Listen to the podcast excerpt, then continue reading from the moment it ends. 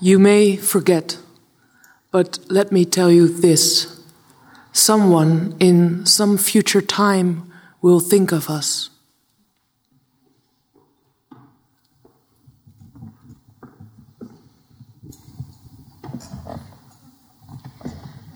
Ik ben schuldig, ja. Ik was het, die 2000 jaar onderdrukking. Maar ik ben de herstelbetalingen inmiddels wel zat. Heeft iemand zich eigenlijk wel eens afgevraagd of mannen zich zo goed voelen bij de rol die zij toebedeeld hebben gekregen? De onderdrukker, kostwinner, de beschermer. Al die verantwoordelijkheden en verplichtingen op basis van een zogenaamd manschap. Terwijl, wat is het criterium? Ik voel mij niet per se man, maar is dat cool?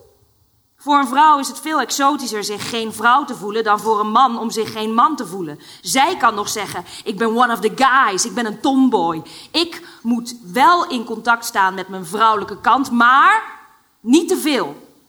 Ik snap er geen reet van, dat manschap. Het is een vereiste en sociaal onwenselijk. Er wordt in alle opvoedboeken voortdurend gehamerd op dat jongetjes het zo slecht doen. Maar dat is omdat meisjesgedrag ineens wordt gewaardeerd. Wij zijn niet veranderd, de context is veranderd. Heel even hoor. Ik vind jou nu nogal verongelijkt. Het werd hoog tijd dat er in al die boeken iets geschreven wordt over hoe meisjes opgevoed moeten worden. Weet jij dat er tot in de jaren zestig in al die boeken helemaal niets over meisjes te vinden was? Die werden niet geacht opgevoed te worden omdat ze er niet toe deden. Ik heb daarover aan de bel getrokken. Simone de Beauvoir, schrijfster van. De Tweede Sekse, in 1949 uitgegeven. Het grote feministische manifest dat wereldwijd wordt gezien als het startschot voor de tweede feministische golf. Ja, je wordt bedankt. Het hele feminisme is totaal doorgeslagen. Give me a fucking break. Is het ook een keer genoeg of wat? Er zijn echt wel ergere dingen om je druk over te maken hoor, tegenwoordig. Haha! nee, dit meen je niet. Is dat nog steeds de argumentatie? Dat er mensen honger lijden en doodgaan? Ja, natuurlijk is dat veel erger. Maar dat, maar dat het gebeurt, betekent nog niet dat je je nergens anders druk over mag maken. Als het gaat over gelijkheid tussen mannen en vrouwen, is het pas genoeg als het niet meer te weinig is. Is het nou niet een keer genoeg? Absurd. Nou, nee, kennelijk niet, nee. Nee. Het is niet genoeg. Ja. Oh, dus je bent het met me eens. Nee. Kijk. Je hebt uh, twee reservaatjes. Met in allebei die reservaatjes een bootje.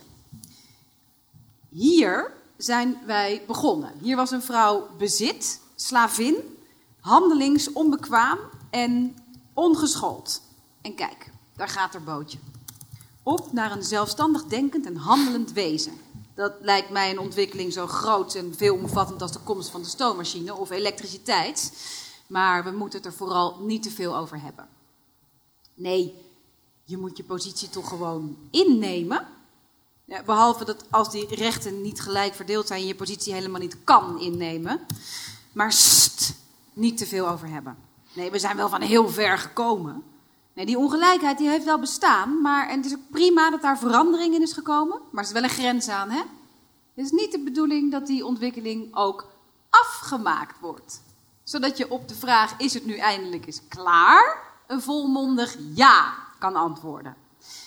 Nee, dan lijkt het toch alsof er iemand hier in dit bootje, en nee, dat zijn geen gammele bootjes die de Middellandse Zee overvaren, en ja, er zijn altijd ergere dingen. Het gaat hier wel om pak een beetje de helft van de wereldbevolking. Lijkt me ook niet onbelangrijk. Maar dan lijkt het toch alsof er iemand hier in dit bootje zit. En die zegt: Kijk nou wat je allemaal al gekregen hebt. Moet je nou echt nog meer? Ik denk dat die reservaatjes inmiddels wel even vol zitten hoor. Oh ja? En krijgen ze daar inmiddels ook al evenveel voor betaald? Voor die identieke inhoud? Uh, nee. Uh, nee, dan zijn we dus nog niet klaar.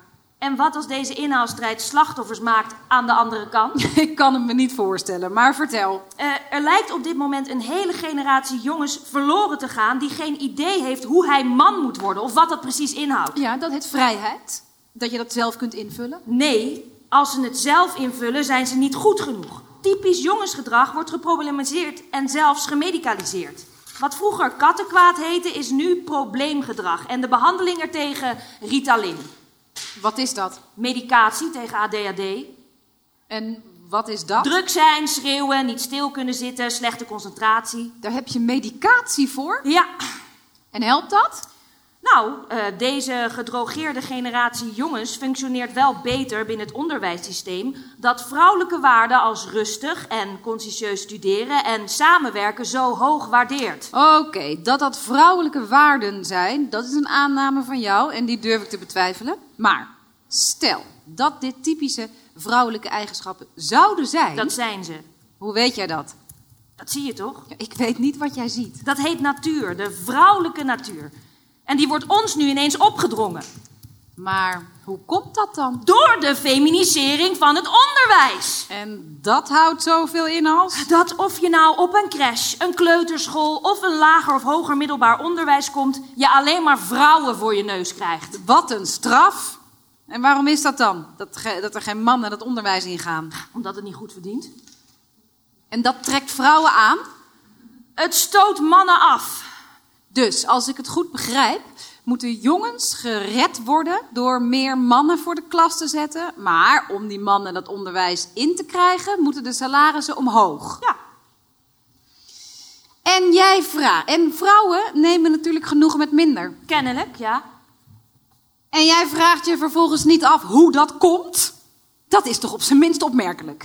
Die aannames die jij in dit verhaal doet. Daar zit dus één grote, blinde, seksistische vlek. Dat vrouwen dit nog steeds pikken, zeg ik, geloof mijn oren niet. Nee, het hele probleem is gewoon nog steeds de objectificatie. Dat is misschien een videoclip zo, maar... Het gaat niet alleen over objectificatie in de zin van er wordt naar vrouwen gekeken als naar objecten. Het gaat ook over jezelf als subject ervaren. Wie zegt dat het mannelijk is om de drijvende kracht te zijn? De actie te beginnen, vanuit jezelf te redeneren? Vrouwen hebben zich altijd gerelateerd aan mannen. Ze zijn altijd gezien, geïnterpreteerd in verhouding tot de man. Ja, jij misschien. Jij werd altijd gezien als vrouw van. ja. Oh, vind ik echt jammer dat je dat zegt. Echt zo flauw? Ik was echt net zo blij dat ik hier gewoon zat om, eh, om te praten over wat ik zelf geschreven heb... in plaats van mijn verhouding met Jean-Paul Sartre, maar oké. D'accord. Nou, waar was ik? Eh, jezelf als subject ervaren. Ja, het wordt tijd dat vrouwen zichzelf als subject gaan ervaren. Zeg jij eens, denk jij ooit als je de kinderen in bed legt wel eens... nou, vader wel echt als een moeder... Nee, ik doe dat gewoon op mijn manier. Precies, en jouw manier is dus nog altijd een individuelere manier dan hoe vrouwen zichzelf ervaren. Ah, jouw beroemde theorie. De vrouw wordt niet als vrouw geboren, maar tot vrouw gemaakt. Ja? Eh, recentelijk hersenonderzoek heeft uitgewezen dat er grote, aantoonbare, aangeboren verschillen zijn tussen mannen en vrouwen. Jouw stelling dat er geen verschil zou zijn in hun natuur en aanleg, maar dat het allemaal gecultiveerd gedrag is, is echt niet meer houdbaar. Maar dat heb ik helemaal nooit gezegd. Dat heb ik in de schoenen geschoven gekregen. Er zijn verschillen, ja. De vraag die ik gesteld heb is: wat doe je met die verschillen? Als een meisje kleiner is en minder sterk, hou je haar dan binnen of schop je er juist naar buiten om sterk te worden? Ja, ik ga me er nu toch even mee bemoeien. Nou, Simone, ik denk dat je het stokje even over moet geven. Ik geef helemaal geen stokje over. Oh nee, maar ik ben het met jou eens hoor, Simone. Oh? Ja, want ik heb dat hersenonderzoek van Dick Swaap nu al twee keer voorbij horen komen. En liever negeer ik het helemaal, maar ja, ik moet toch even reageren. Ehm, want dat hersenonderzoek dat vindt natuurlijk gretig aftrek. En dat is ook logisch, hè, want het is fijn om te kunnen zeggen... ja, het is allemaal natuur, we kunnen er niets aan doen. Maar er is ook tegenonderzoek, dat heb ik hier liggen toevallig. Ehm, en daarin, dat tegenonderzoek heeft aanzienlijk minder geld gekregen. Dus het heeft ook aanzienlijk minder populair kunnen worden. Maar vastgesteld is dat dit hersenonderzoek van Dick Swaap en consorten gedaan is bij volwassen hersenen. En die zien er nogal anders uit dan babyhersenen. Bij jongetjes en meisjesbaby's zijn de verschillen namelijk helemaal niet zo groot. Hersenen zijn plastisch. En dit betekent dat ze zich aanpassen al naar gelang waarvoor ze worden gebruikt. En omdat mensen kopiëren en de neiging hebben om aan verwachtingen te voldoen, is cultuur daarin behoorlijk sturend. En hoe vaker je bepaald gedrag vertoont, hoe dieper de paden in de hersenen zich aanleggen en hoe meer je dat gedrag gaat vertonen. Een self-fulfilling prophecy. Dit meen je niet. Jezus joh, en ik heb me een partij in bochten lopen wringen voor dit verhaal. Mijn god, ik heb de hele wereldgeschiedenis en literatuur er met de haren bijgesleept. Mythologieën, oude culturen, de hele rattenplan. Eén woord. Plasticiteit. De hersenen zijn plastisch. Dat flikkert het hele ellendige biologisch determinisme in één klap overboord. Zie je, ik had gewoon gelijk. Fuck de biologie. Je wordt niet als vrouw geboren, je wordt als vrouw gemaakt. Doordat je met al je spiegelneuroontjes als een blind paard achter al je voorgangers aan banjert. Haha, ik wist het. Mijn levenswerk.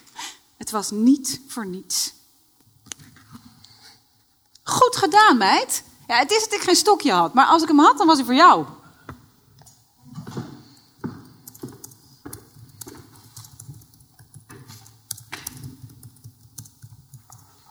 Goedenavond allemaal, welkom. Welkom op deze avond Wie is er bang voor feminisme, georganiseerd uh, door uh, Radboud Reflex en uh, Radboud Gender and Diversity Studies. Um, we gaan kijken naar een aantal fragmenten uit het theaterprogramma Holy F. Geschreven door Eva-Marie de Waal, Sophie van Winden en Simone van Saloos. Sophie van Winden kon er vandaag helaas niet bij zijn, maar ze wordt vervangen um, door Britte Lacher. En dat is ook de reden dat de dialogen uh, als dialoog worden gespeeld. Dus dat ze worden hier op de kruk worden gespeeld. Um, hartelijk dank alvast daarvoor. We gaan vanavond een aantal uh, dialogen uit dat pro programma uh, bekijken. En tussendoor hebben we discussie met een schitterend discussiepanel. Um, mijn naam is Matthijs van der Zanden, ik ben politiek filosoof aan de Radboud Universiteit. Uh, en hier zitten me naast me in uh, de, deze volgorde uh, Ebru Tjegioglu, student rechtsgeleerdheid en voorzitter van Young Progressive Thinkers. Dat is een vereniging van maatschappelijk betrokken studenten. Ja. Marieke van der Brink, professor Gender en Diversity op, bij Sociale Wetenschappen, Radboud Universiteit. En Anja Topolski, politiek filosoof aan de Radboud Universiteit. Goed. Laten we beginnen met een discussie over wat we zojuist gezien hebben. Tussendoor, uh, na, na de discussieblokken, is er ook tijd voor uh, korte vragen uit het, uh, uit het publiek.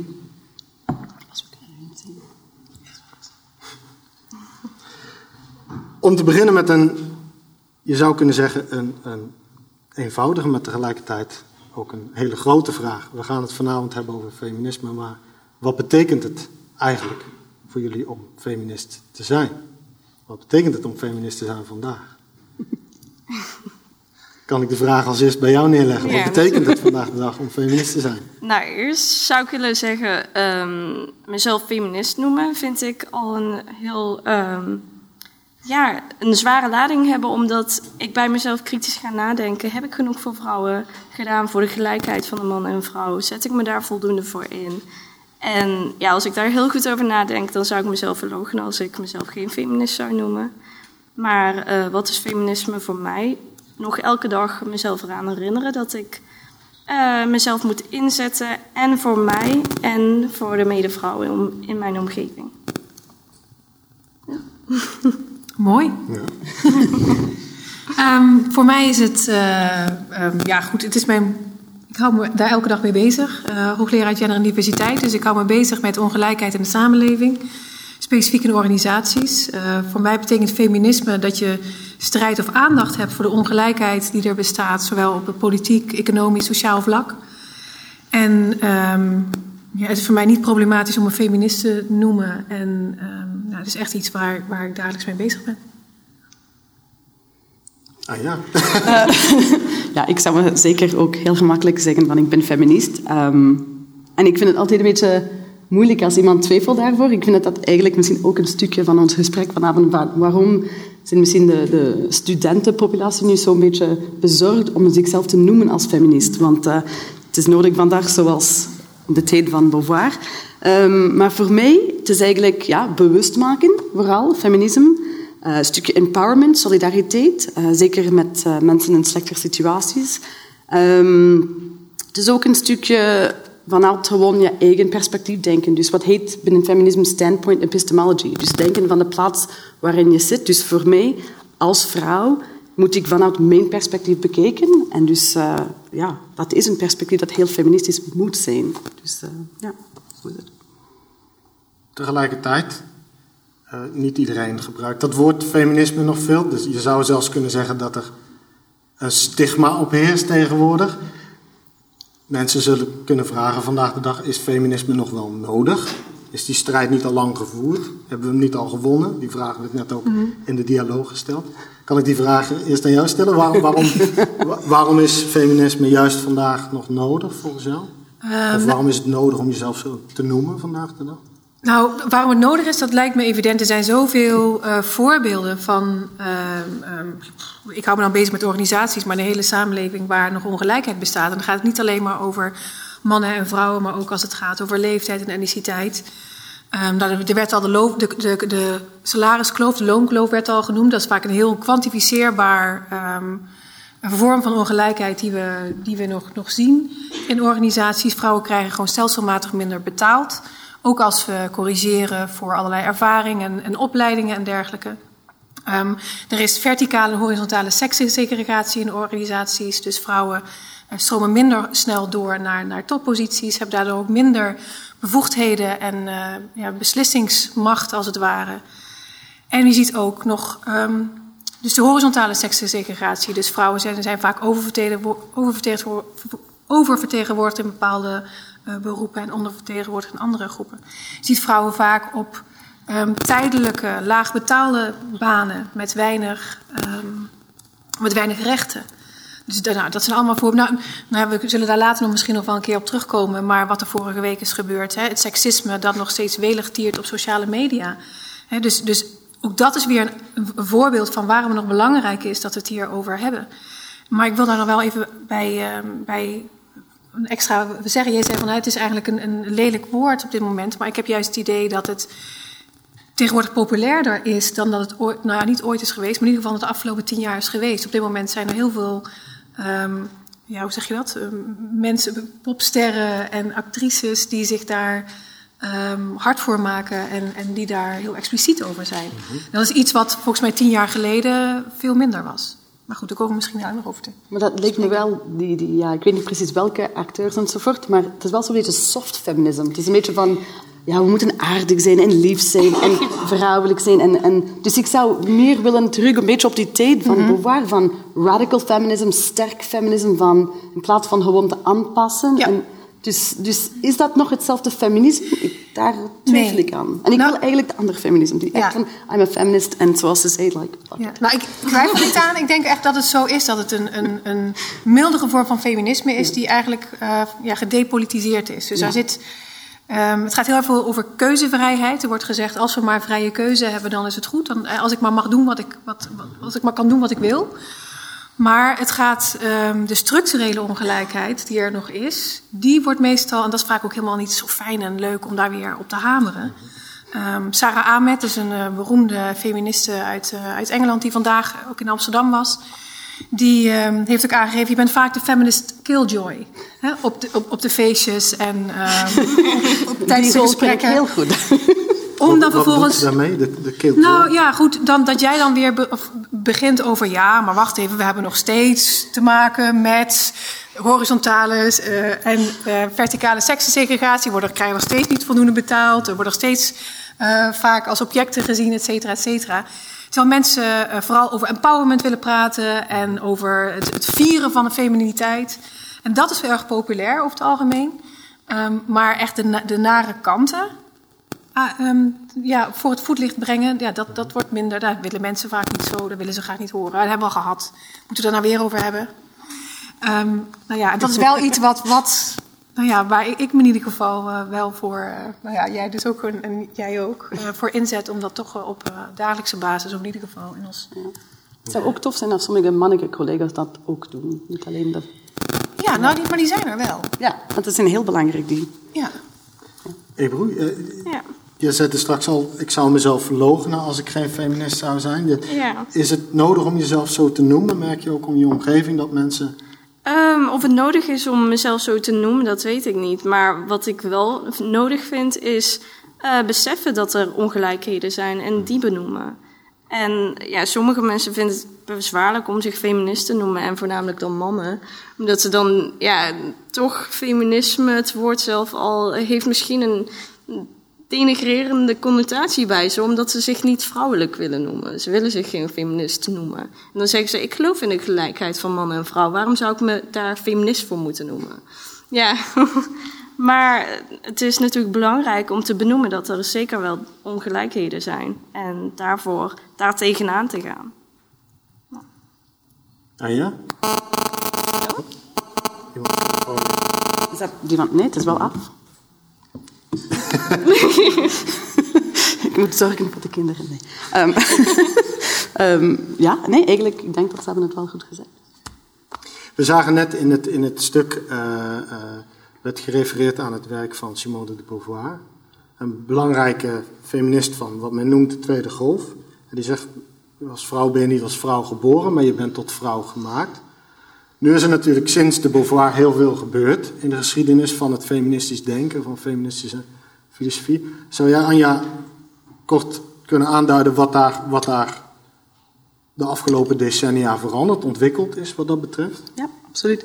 Maar ik zal misschien eerst zeggen wat vind ik heel belangrijk van de tweede golf, dat ik wil dat dat eigenlijk terugkomt. Uh, de slogan van de tweede golf was the personal is political. En ik vind dat was een heel belangrijke slogan, want op één kant was het bewustmaking van vrouwen, dus een stukje van de empowerment.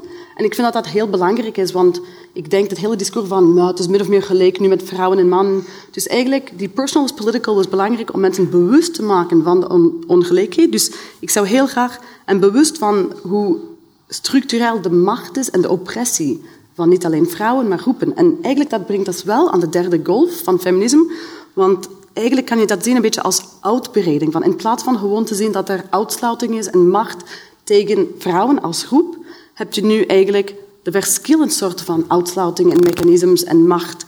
Um, en dus dat, ik denk dat we zullen straks over intersectionality, maar dat vind ik heel belangrijk. Dat het is niet alleen over vrouwen, maar het komt wel van een feministe achtergrond. Maar ik vind ook, er zijn nog twee verschillende, laten we zeggen, zo conceptueel veranderingen. Eén is, we praten minder over vrouwenstudies, zoals toen, maar meer over gender studies. Dus ook een verandering, heel belangrijk, veel meer inclusief. Een ander concept van wat vrouw kunnen zijn. En dat is ook een beetje benoemd van, in plaats van zo simpel man, vrouw, biologisch seks, heb je wel nu het verschil tussen vrouwelijk, mannelijk, biologisch, seksueel, attractie. En dat vind ik belangrijk, want je kan eigenlijk je eigen identiteit een beetje zoeken in verschillen, ja, zo gradaties. Van, uh... waar, waar, waar, bestaat dat verschil precies uit? Kun je dat wat even uitleggen? Ah, omdat, ja, sorry, dat is wel een goede vraag. Omdat eigenlijk vind ik dat een beetje ehm, zo structureel, dat is gewoon een binair. Man-vrouw. En nu bij gender heb je geen binair. Dus je moet eigenlijk een beetje break the binary. Je moet eigenlijk het zien veel meer als verschillende mogelijkheden, veel meer dimensional. Maar ik vind ook misschien belangrijk, op één kant heb je dus gender studies, die wil gewoon de binary helemaal eigenlijk breken. Maar op de andere kant heb je ook een stroming van sexual difference theory, waar eigenlijk de binair blijft heel belangrijk. Dus ik vind, je hebt in hedendaags feminisme verschillend ja, perspectief. Op één kant gender en ander sexual difference theory. En daar speelt ook de lichaam een heel belangrijke rol. Dus ik weet niet of dat komt misschien terug, maar dat kunnen we ook bespreken. Maar dat is een beetje wat gebeurt nu met hedendaags feminisme.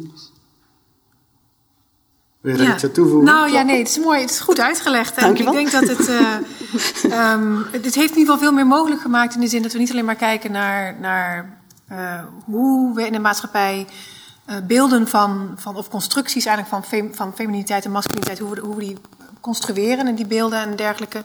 Maar het gaat dus ook over, um, hoe moet ik dat goed zeggen? Het gaat ook heel erg over privileges. En, en mannen, dus wat we ook mannen bestuderen en hoe die mannelijke privilege eigenlijk in, in, in het, ja, hoe, hoe dat eigenlijk verloopt. Dus het is ook, aan de ene kant heb je standpoint feminism.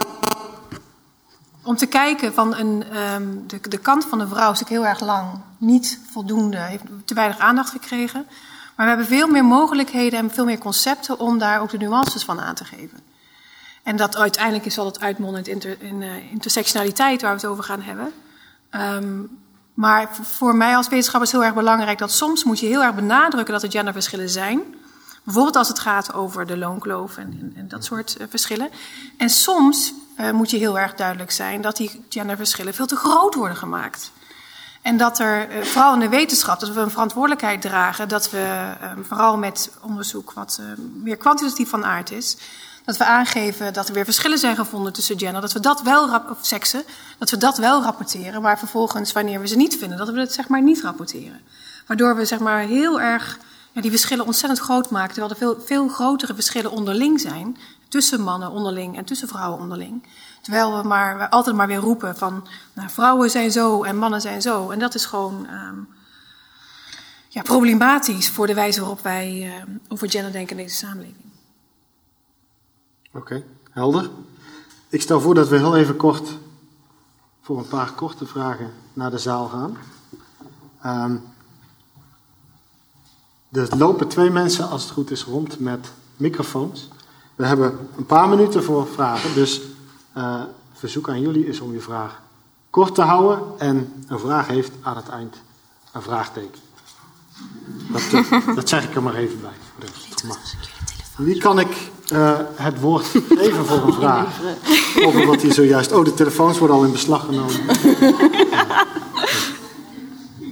Wie kan ik het woord geven voor een, voor een vraag of eerste reactie op deze, op, op, op deze vragen die we hier gediscussieerd hebben? Wat is feminisme voor jullie en is het nodig om jezelf vandaag feminist te noemen, bijvoorbeeld?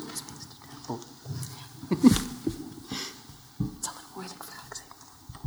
Uh, hallo, um, ik heb vooral een vraag of een vraag en zowel een reactie op vooral de laatste paar opmerkingen die gemaakt worden.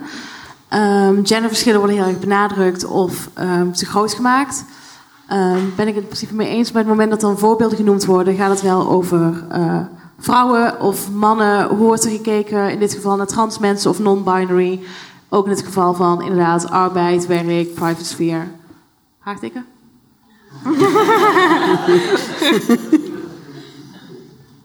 Zou iemand daarop willen reageren? Ja, nou ja, ik, ben, ik kan het alleen maar met je eens zijn uh, dat, dat, daar, dat daar veel meer aandacht voor moet zijn. Ik, bedoel, ik, ik geef een, een voorbeeld omdat dat um, op dit moment helder, ja, het, het helderst lijkt. Maar je hebt gelijk dat daar natuurlijk ook queer studies, zij doen niet voor niks proberen die, die binary ook heel erg, um, nou ja, hoe zeg je dat, te overstijgen in die zin. En ik denk dat dat heel erg belangrijk is. En dat is ook een belangrijke traditie in de gender studies. Ja. Andere vragen? Of ja. Uh, ja, ik vroeg me af, uh, je hebt tegenwoordig, als je het hebt over ik noem me wel of niet feminist, je hebt ook mensen die zeggen ik noem me een gender equalist. Wat denken jullie over zeg maar, het gebruik van die verschillende termen en wat, ja, wat, wat moeten we daarmee? Gender equalist. Ik denk dat dat is om meer mensen aan te spreken. En ja, het zou een goede oplossing kunnen zijn om inderdaad zoveel mogelijk mensen aan te spreken. Net als uh, de mannen die zich geen feminist zullen noemen. Of vrouwen die met hedendaagse feminisme ja, een, een, ja, daar een negatieve lading bij zien. Ja, zou een goede optie kunnen zijn. Maar ik vraag me af wat uh, de dames hier daarover denken. Ik zou eigenlijk voor mij, als er een negatieve lading is of niet, too bad for them. Dus dat stort me niet.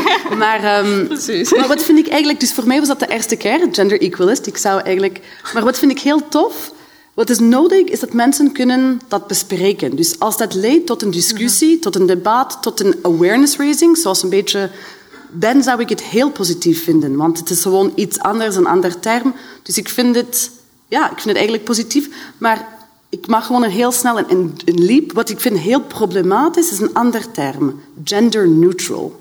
Dat start me wel van het hele concept van neutraliteit. Wat, wat betekent dat? En dus als je zegt gender neutral, alsof gewoon ja, dat het kan neutraal. Ja, dus, dat vind, dus die term vind ik zo niet eigenlijk een goede, ook als het kan besproken worden. Maar gender equalist lijkt me wel interessant, of gender inclusive, ook heel interessant. Ja, de, maar de reden dat ik het vraag is omdat het kritiekpunt is vaak dat de... Sorry.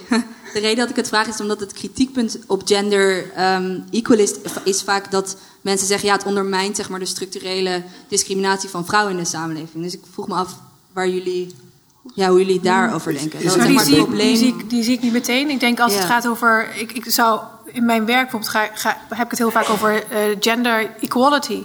En dan heb ik het juist op die structurele kant. Dus ik, dat zou ik niet meteen zien dat dat vergeten wordt. Ik denk wel dat het iets is wat hè, in bijna een soort postfeministisch tijdperk dat mensen denken dat die structurele ongelijkheid er niet meer is. Maar dat is een andere discussie.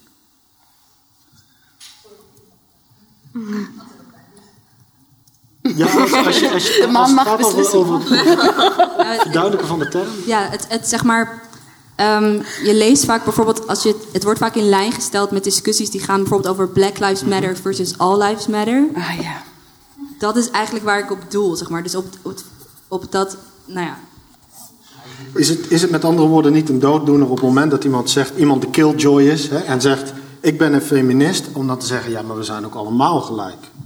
Is dat niet, ontwijk je daar niet mee wat je ter discussie wil stellen? Ik zie nu wat je bedoelt. Namelijk dat er een specifieke groep onderdrukt, uitgebuit, gemarginaliseerd wordt. Eh, en is, de, is, de- is het gebruik van zo'n term, eh, eh, hoe noemde je het, gender, equalist, is dat niet wat dat betreft ontkennend?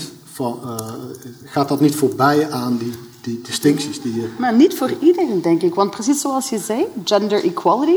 Voor mij, als ik zou direct een, ja, een link maken met Black Lives Matter, racial equality. Ja. Dus ik vind dat het helemaal niet... We moeten streven naar gender equality, racial equality. Dus ik vind het niet dat dat zo direct... Ja. Maar het is misschien ook een term dat ik ken niet. Dus misschien als het komt met een achtergrond die wel beladen is met dat soort van dingen. Dan, ja. De, de vergelijking die Simone maakt is een heel terechte misschien wel met kleurenblindheid. Ja. Van, gender, van een gender neutral. Ja. De manier waarop mensen in, in discussies over racisme zeggen, ja maar ik, ik zie geen kleur. verschil. Ja, maar dat is gender neutral. Ja. Daar vind ik Ja, problematisch. ja. Dus de vergelijking zou je maken tussen kleurblind, dat kan niet. Gender neutral kan ook niet. Nee. Maar gender equalist kan wel, denk ik. nou, tenminste hebben we een goede discussie daarover Ja, en dat is zeker. belangrijk. Zeker. Ik heb tijd voor één kort vraagje nog. Eén kort vraagje. Ja, gaat, gaat gewoon. Ja. Ja. Ik vraag me af hoe breed is dat, die, die gedachtegoed. Want eh, eh, wij hebben eh, dat een eigen referentiekader of culturele context gehouden, omdat het ver van ons bedshow. Maar nu komt de wereld naar ons toe door klimaatvluchtelingen en oorlogvluchtelingen. Hoe, hoe, in hoeverre passen wij dat toe aan de nieuwe eh, maatschappelijke context? Aangezien dat die mensen deel van ons leven zijn geworden. Ik denk dat dat een onderwerp is waar we voor een groot deel nog toe zullen komen in een later blok van de discussie. Dus we komen daar zeker op terug, want het is een heel belangrijke vraag. Eh, ik stel voor dat we eerst verder gaan met een stuk uit Relief.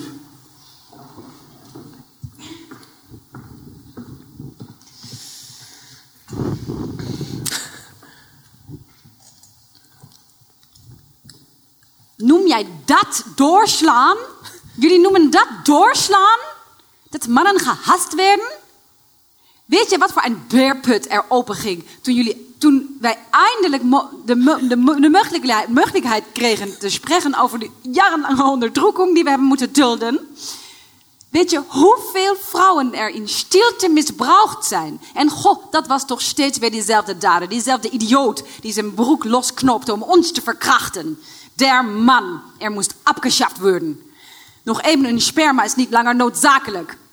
Kom vrouwen, wees geen afvallige. Je gaat toch niet met je onderdrukken naar bed? Wij hebben ons lang genoeg laten dicteren. Nee, ik mismaak mij niet met een sch- scheerapparaat onder mijn oksels. Ik stift mijn lippen niet om jou te bestempelen dat ik een lustobject ben. En wie heeft die boosterhalter überhaupt bedacht? Der fik erin! Wat doe jij nou? Ik doe Beyoncé. Beyoncé is een feminist. Je danst alsof je genomen wordt en je bent half naakt. Dat doet Queen Bee ook. Nou, ik zie alleen maar, hier heb je me, hier heb je me. Hoeveel male gaze wil je hebben?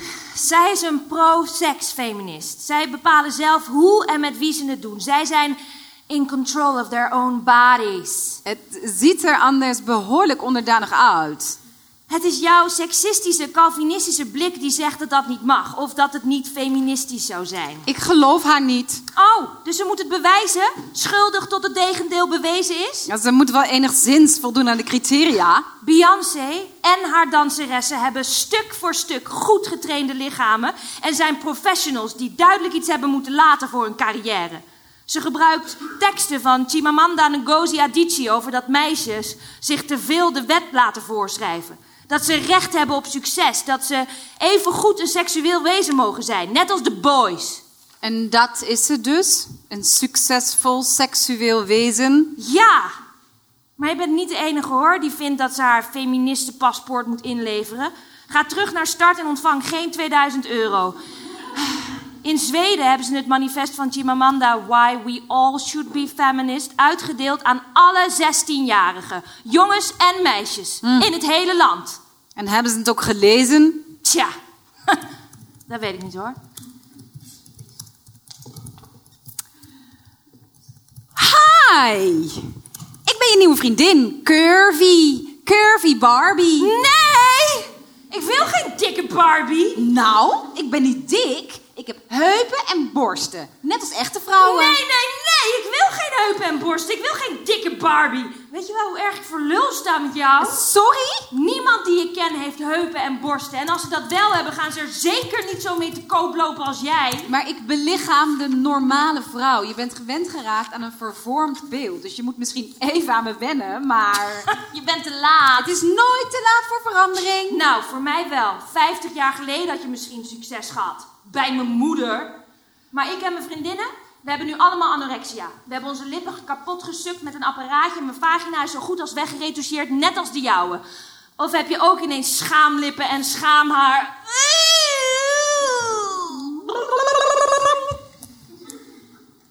Mijn dochter krijgt ze niet hoor, Barbies. Uh, Barbie is natuurlijk niet de enige terrorist hè, in speelgoedland. Nee. Trek jij zo'n roze kleren aan? Wat, Wat zielig! Mannen waren op jacht, vrouwen verzamelden besjes. Welke kleur hadden die besjes? Roze. Daarom houden ze er nog steeds van. Nee. Richard Wagner liep immer in het roze. Was een kleur voor mannen toen. Het is echt pas sinds Disney sprookjes en prinsessen wil verkopen dat het iets voor meisjes is.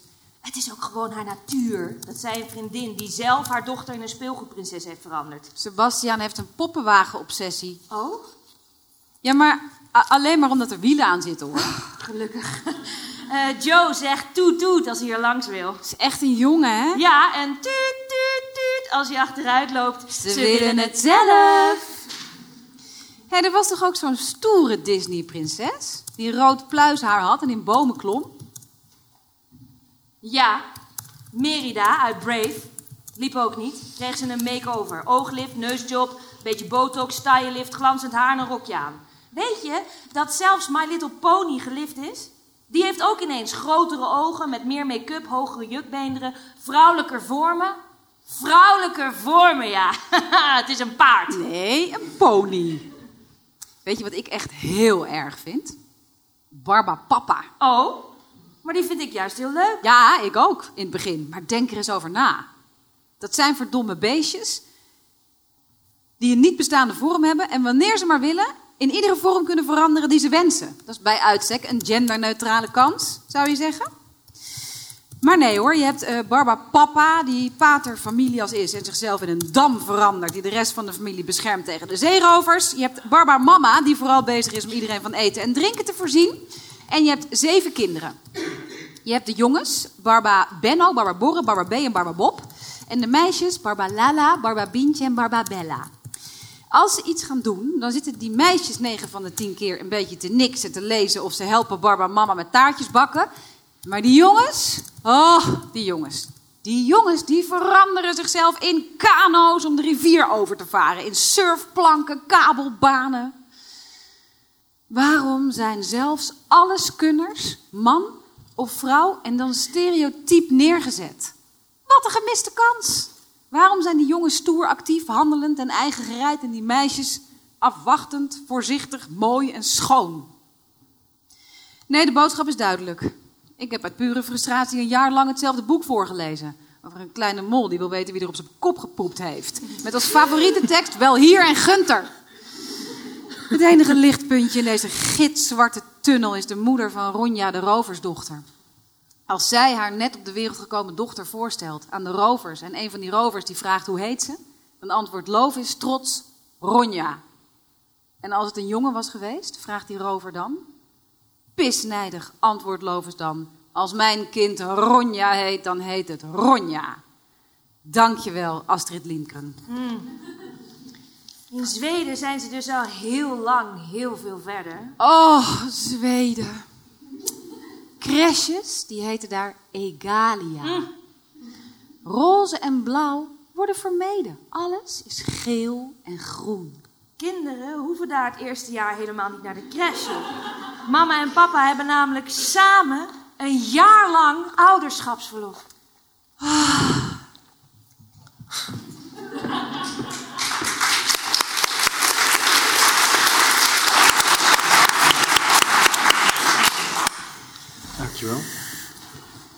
We gaan even terug naar eh, een frase die mij opviel. Succes, succesvol seksueel wezen, met andere woorden Beyoncé. Maar we gaan het natuurlijk niet specifiek hebben over Beyoncé, maar laten we zeggen meer Beyoncé als symbool ergens voor. Eh, er is natuurlijk heel veel discussie mogelijk vanuit een feministisch perspectief over de vraag of, zoals iemand als Beyoncé dat doet, de vraag of het voldoen aan bepaalde seksuele, een bepaald seksueel beeld dat, men, dat van jou gecreëerd is, of dat per definitie problematisch is, per definitie niet feministisch is, of dat het ook juist de basis kan zijn voor wat men een soort empowerment noemt. Hè, bijvoorbeeld, Beyoncé is een goed voorbeeld, die, die draagt een bepaalde uh, seksualiteit uit, heel nadrukkelijk. Critici, sommige feministische critici zeggen ook, ja maar wacht even, dat is het patriarchaat die dat beeld heeft gecreëerd, die dat stereotype heeft gecreëerd. Dat dient bepaalde belangen die misschien helemaal niet feministisch zijn. Uh, anderen zijn daar juist weer heel kritisch over. Die zeggen, nee, Beyoncé die, die, die claimt, uh, hoe zeg je dat? Die claimt zeggenschap over de eigen lichaam en seksualiteit. Wat, wat is jullie positie in zo'n in zo'n discussie? Ja, ik vind dat, in, ja natuurlijk. Ik vind dat uh, het toe-eigenen van seksualiteit, dat uh, wordt natuurlijk ook als feminisme gezien. Want uh, dat jij niet door andere mensen laat, of ja, jouw seksualiteit laat beperken of het in een plaatje laat passen dat, dat van jou wordt gecreëerd. Maar je kan niet zeggen dat uh, een identiteitsvorming, dat proces plaatsvindt zonder enige invloed van buitenaf. Dus dat er een bepaald stereotyp beeld is van vrouwen en dat je daaraan voldoet. Ja, Beyoncé gebruikt haar seksualiteit en inderdaad die vrouwelijkheid om uh, ja, veel mensen aan te spreken. En er zijn veel meiden die dat heel leuk vinden en misschien feminisme zich meer aangetrokken voelen tot feminisme daardoor. Dus ik durf niet te zeggen of het uh, verkeerd is, of het niet een juiste vorm van feminisme is, maar ik denk dat het wel een vorm is van toe-eigenen van seksualiteit. En in zekere zin, we zijn allemaal beïnvloed in ons uh, ja, doen en denken. En als vrouw, hoe wij moeten kleden, hoe wij moeten praten. En of het daar totaal onafhankelijk van is, dat, dat durf ik ook niet te zeggen. Ja, eigenlijk ben ik mee eens. Ik vind het eigenlijk heel belangrijk dat het is niet aan ons te zeggen van voor Beyoncé zelf, maar ik vind, en hier komt misschien de link ook hier, ik vind dat daar ook een andere kant, we moeten het ook een beetje zien van de kant van, en zeker ja, ik zie het wel zeker voor mij als moeder ook een vraag van, kijk, mijn kinderen zullen dat zien, ze weten niet de context van Beyoncé. Ze weten niet dat dat voor haar echt een empowerment is. Echt een beetje... Dus mijn kinderen zien dat en dat is nog een, een repetitie van een model, van een rol, van een, een... Dus ik vind het op één kant positief en belangrijk. En we moeten altijd echt de context zien. En ik als volwassen kan zeker de context van Beyoncé zien en zien van... Klopt, empowerment voor haar en voor veel mensen. Maar als dat komt op tv, op beeld, over en over... En niet alleen voor mijn dochter of mijn zoon, maar ik heb ook een kindje die, die zit daartussen, misschien een X zou ik het benoemen. En ik denk, wat zegt dat aan een kindje? Dus ik vind dat we moeten het ook zien als belangrijk, empowerment, maar ook, dat moet ook besproken worden, zeker als het komt voor kinderen of mensen die minder bewust zijn van wat gebeurt hier. Ja, zeker wat betreft kinderen wil ik ook zeggen, uh, je kijkt ook op naar die vrouwen, naar actrices, naar uh, zangeressen. En dan wanneer zij het over feminisme hebben, inderdaad, een kleinkind zal daar niet heel veel van uh, begrijpen. Maar mijn vraag is of juist die vrouwen wel daar een belangrijke rol in kunnen spelen. Wanneer je het over feminisme hebt, uh, ja, Volgens mij is het een, hele oude discussie in het feminisme over, uh, als het gaat over het uitdelen, heel actief uitdragen van de seksualiteit, is dat nou, of het, de objectificatie hè, van de vrouw, inderdaad, wat je ook zei, het patriarchaat, dat het die beelden opdringt als het ware. De male gaze werd net ook al uh, genoemd. aan de andere kant gaat het over die empowerment, omdat we ook weten dat er heel um, dubbele standaarden zijn als het gaat over seksuele normen. Een collega van mij, Marijke Nezer, heeft daar prachtig werk over geschreven, over Um, hij is stoer, zij is een hoer. We weten allemaal hoe er gedacht wordt als uh, mannen of vrouwen hun seksualiteit uh, maar uitdragen. Hoe, um, of, of, seksueel wezen zijn, seksuele identiteit. Hoe daarnaar wordt gekeken. Nou, en dat zijn dus beelden waar we wel degelijk iets aan zouden moeten doen. Hè? Dat we dus niet die dubbele standaarden hebben. Um, dus ik zou niet zo zeggen, ik ben het met, met de ene kant eens en met de andere kant eens. Ik denk dat het gewoon twee punten zijn van het debat. Aan de ene kant is het heel goed dat mensen hun empowerment claimen. Maar dat, daar gaat het ook wel heel erg over of je het zelf, dat werd net ook gezegd, in control bent. Um, wat we bijvoorbeeld vorige week hebben gezien, dat wanneer er beelden. Kijk, ik geloof dat we het tijdens. We hadden het vandaag daarover. Uh, Katja Schuurman heeft vandaag op Twitter een foto van haar billen geplaatst. Um, maar om een heel duidelijk statement te maken, naar aanleiding van de discussie die vorige week uh, rond Geen Stijl uh, is losgebarsten. Zij post die seksuele beelden. Of, um, um, wel het idee, ik ben in controle, ik bepaal wanneer ik die op Twitter plaats. En niet zoals er is, is gebeurd, wanneer andere mensen beelden voor jou op social media plaatsen en daar vervolgens iets mee gaan doen. Dus ik denk dat, hier, dat het heel erg belangrijk is, wederom, van een hoe, um, hoe zit daar weer die machtsrelatie in? En wie heeft op dat moment het voor het zeggen als het gaat over ja, wat er precies met die beelden gebeurt? Ja. Maar ik vind zeker, misschien de focus is op macht. Ik vind dat heel belangrijk om te benoemen, want inderdaad, Beyoncé komt van een positie van macht. Dus voor haar, het is empowerment, het is een statement. Ook die voorbeeld ken ik niet, ik zit niet op Twitter, maar, um, of wel, maar ik bekeek het nooit. Um, maar ik vind het belangrijk om te zeggen van, oké, okay, dat is inderdaad machtpositie. En je hebt, je hebt nooit echt een vrije keus, maar toch zit je wel daar een... Maar voor zoveel mensen, vrouw, man, mm -hmm. x ze zitten niet in dat machtspositie. Dus ik vind, ja, we moeten ook vanuit die perspectief de situatie bekijken. En, en, en zeker ja, want het, het, het spraakt me wel aan, want ik, ik ben dagelijks een beetje in een situatie, zeker met mijn kinderen op school, van gender komt aan bod dagelijks op school, van elke context. En dus ik vind het van, ze zien iets op tv of... En, en, maar wat ze krijgen op school is ook een andere boodschap. En daar is er geen macht voor hun. En eigenlijk is het heel duidelijk van, um, ja, misschien gewoon een, zoiets zo simpel in een kleuterschool of een crash. Gewoon de inrichting van de zaal, de poppenhoek is naast de keukenhoek, is naast de spelhoek van de, de kleren enzovoort. En dan de Lego en die auto's zijn allemaal op een andere plek. Dus vanaf het eerste begin van het school, ze moeten kiezen, ga ik daar spelen? Mijn lichaam zegt dat ik ben een man, dus ik moet daar aan spelen met de Lego. Maar, en, en dus voor een kindje is dat afschuwelijk moeilijk. En ze zijn daar geconfronteerd, dus ze hebben geen macht. Dus ze kunnen, ja, dus, dus dat was voor mij een beetje van die kant. Sprak me wel aan hier van, ja, wat doen we met kinderen? Of, ja, en die barbepappes. Maar denk je dat ze geen macht hebben? Wat bedoel je daar precies mee? Want ze hebben natuurlijk wel agency, als het ware, toch? Zij kunnen zeggen, ik wil dit niet.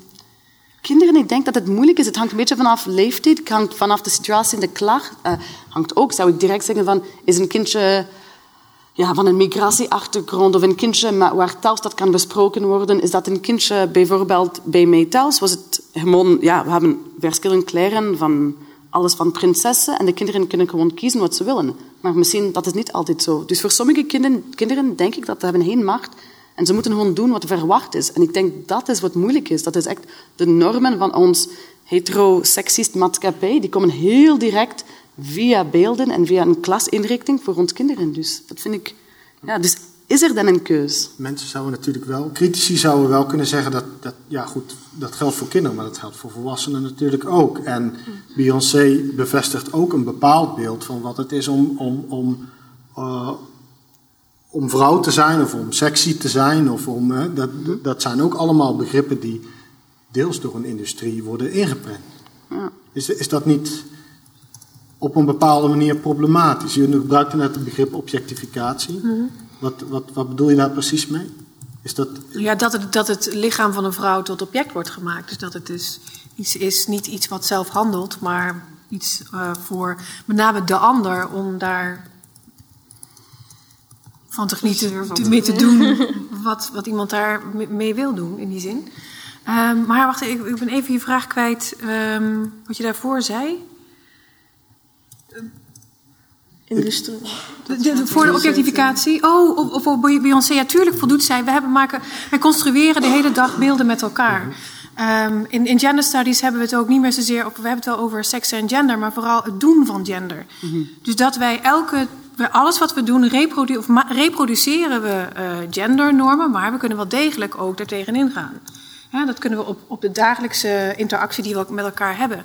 Maar we maken natuurlijk altijd gebruik van de gendernormen die er bestaan in de maatschappij. Ook over seksualiteit en wat überhaupt sexy is. Mm -hmm. En um, dus, dus Beyoncé verhoudt zich daartoe en bepaalt voor zichzelf dat het haar um, een bepaalde empowerment geeft op het moment dat ze dat uitdraagt. Terwijl dat voor een ander, voor iemand anders op een hele andere manier, um, ja, hoe zeg je dat? Heel anders kan zijn. Snap je dat? Mm -hmm. okay. Wat, en, maar maar hoe, zou je daar, hoe zou je daar dan mee omgaan? Op het moment dat je zegt, hoe, hoe zou iemand als Beyoncé bijvoorbeeld dat kunnen benadrukken? Zou, zou die dat anders moeten benadrukken? Ja, dat, dat weet ik niet. Ik, nogmaals, ik denk dat er dus verschillende. Dus, ik, misschien komen we dadelijk nog wel verder over te spreken. Maar binnen, er is niet één feministisch doel. Ja, er is wel één feministisch doel. Dat is die, die gelijkheid op, op het gebied van socia, uh, sociale, economische, politieke gelijkheid. Maar er zitten ook heel veel verschillende standpunten over, over bepaalde issues. bijvoorbeeld over seksualiteit. Als we kijken naar sekswerkers bijvoorbeeld. Er zijn feministen die zeggen, ja, dat kan niet. Dat is inderdaad patriarchaat ten top, zeg maar. Hoe kunnen vrouwen zich lenen om dat, dit werk te doen? Aan de andere kant zijn er men, feministen die zeggen, nee, dit is iemand die inderdaad uh, het heft in eigen handen neemt. En op deze manier um, ja, in het onderhoud voorziet. Nou, daar, daar is het ook weer belangrijk om naar macht te kijken. Ja, situatie, um, tijd, plaats. Is dat iemand die ook vervolgens, zo'n sekswerker, die, die daar ook, wanneer zij dat zelf wil, niet gedwongen wordt, maar zelf kan bepalen om daarmee te stoppen of daarmee door te gaan. Dus er zijn allemaal randvoorwaarden die je moet creëren of dat zeg maar oké okay is. Maar ik vind het niet, en zeker niet aan mij, om te zeggen wanneer het wel of niet goed is. Het is vooral belangrijk dat er verschillende standpunten zijn en dat, ja, dat we daar met elkaar in het gesprek uh, over blijven. -huh. Ebro, jij er iets aan ja, doen? ik ben het ermee eens. Want ik vind het heel moeilijk om een uh, andere vrouw te zeggen hoe zij haar seksualiteit moet ervaren of moet laten zien. Dus ja, ik ben het ermee eens. Ik vind eigenlijk wat heel belangrijk is, die stukje gedwongen. Ook als we zijn allemaal gedwongen in ons maatschappij op verschillende niveaus. Mm -hmm. Het is ook heel belangrijk om te zien van inderdaad hoeveel keus was er in de situatie. Maar wat ook maar uh, ik zou eigenlijk wat ik zou heel graag zien, en ik denk bijvoorbeeld als Madonna, als een ander voorbeeld, ik zou heel graag zien als Beyoncé zou nu haar volgende album, ik weet niet hoe het zou heten of zo voor nu, die heb ik vandaag opgezocht, Lemonade.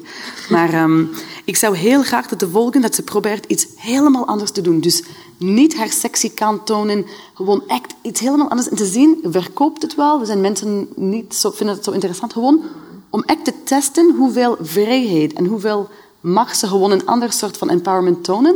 Dat zou me nieuwsbegekerig maken om te zien van, is dat ook zo succesvol? Mm -hmm. En kan ze echt een andere rol spelen? Want dat is belangrijk, die soort van performativity. Maar kan Beyoncé echt out van haar rol nu? Nou, ik denk wel dat het belangrijk is om, om te laten weten dat haar laatste, het laatste album dat gaat wel, is wel heel erg um, um, um, hoe zeg je dat? anti-racism. Ja, dat dus, heard that dus, ze, ze, is, ze, ze is wel versatile net, in de, veel, veelzijdig. Ja. Sorry, er komen er allemaal moeilijke Engelse woorden ja, hier naar. Je hebt performativity. Wat bedoel je daar precies mee? Ah, maar dat is precies wat Marieke zei. Van een beetje dat eigenlijk, als we spreken van uh, misschien een van de belangrijkste filosofen nu over gender, dus Judith Butler. Ze spreekt over het feit dat we krijgen allemaal van onze maatschappij een rol. Dus meestal was het de beperkte, als je bent geboren met een fallus, ben je een man en je moet een rol spelen van een man en een vrouw andersom. Um, en eigenlijk is het zo dat we krijgen die rol en performativity is beseffen dat we krijgen een soort van rol in het script en hoe kunnen we dat een beetje anders doen. Dus, uh, en ik vind precies, het kan zijn dat Beyoncé is heel bewust van haar rol en, haar, en ze speelt een rol, maar kan ze echt de script veranderen? Dat vraag ik me af.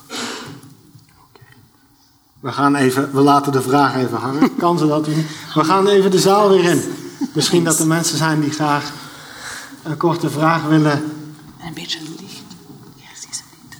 Ik zie daar, ja. Uh, dankjewel voor het woord. Um, ik wou even eigenlijk de vraag stellen: is er misschien een uh, generatiekloof? Uh, als ik vanuit mezelf kijk, uh, mijn opa, die was, laat ik zo zeggen, in het gezinsleven had hij de broek aan. Bij mij thuis heeft mijn moeder de broek aan. En, en bij mij in mijn relatie heeft mijn vriendin de broek aan. um, is daar misschien um, ja, dus een generatiekloof? En, en misschien meer specifiek, um, slaan we, of slaan we, sla, slaan, sla, sla,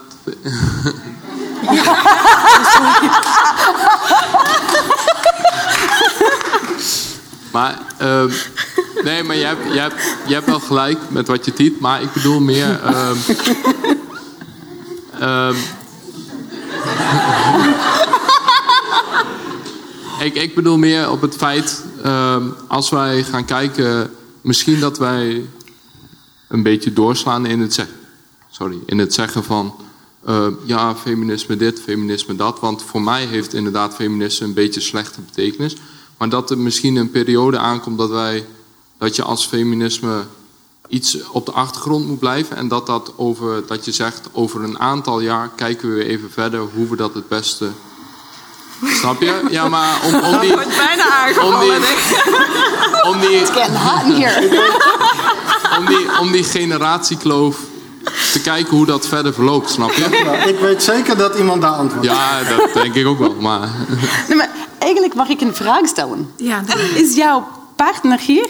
Nee, nee zij, is, zij is Duits, dus misschien komt het daar ook wel. Oh. Ja. Ik zou heel graag eigenlijk aan kinderen, haar of hem of zij vragen van... Voelt je dat je hebt eigenlijk... Hoe heet het in het Nederlands? De, de, de, de, de broek Ja, ja, ja. Dus ik vind het heel interessant dat volgens jouw perspectief... Was het zo bij je opa, bij je mama... Maar Ja. wat is het perspectief van de ander? En hoeveel ruimte... Of hoeveel besef je je eigen privilege om eigenlijk een plaats te maken... om daar te luisteren van de perspectief van de ander? Want misschien klopt dat gewoon niet vanaf hun perspectief. Nee, nee, dat snap ik wel. Maar daar, het is mijn vraag van... ehm, zo, zo sta ik er inderdaad tegenover. En dan is het mijn vraag van... Gaan we... Ja, gewoon om, de, om, die, om dat te zien hoe dat... Want als we bijvoorbeeld kijken zoveel jaar terug... Zoveel jaar terug was dat eigenlijk misschien helemaal nog niet... Dat, dat- was dat sowieso nog niet bespreekbaar. Dat je als... En nu met name als vrouw... Om, om over die, eh, die... Ja, over dat verschil. Ik wil best, bedoel, tuurlijk is het zo dat we ehm, eh, zeker progressie hebben gemaakt. Ik bedoel, ik zal niet zeggen dat het op dit moment. Ik ben blij dat ik, dat ik nu leef en niet 100 jaar geleden. Dus hè, laten we daar duidelijk zijn dat er heel wat is veranderd. Maar zolang er nog geen, nogmaals, ik ga het gewoon herhalen, sociale, politieke, economische gelijkheid bestaat, ben ik niet van plan om te stoppen. En dan denk ik niet van, oh, we zijn, we zijn er nou nog een stukje vanaf. Weet je, laten we nu alvast stoppen. Als we een beetje afremmen, dan komt het over, nou ja, 100 jaar wel, wel goed. Ehm, daar, daar, heb, daar heb ik Nee, nee, Nee, nee, nee. Maar, dus, dus ik denk van, laten we eerst daar zijn waar we moeten zijn, in mijn ogen. En, ehm, en dan kunnen we kijken van, hoe, hoe, wat is dan de rol van feminisme? Is er dan nog een rol voor femi- feminisme of is het helemaal niet, niet nodig? Een ander... Een ander...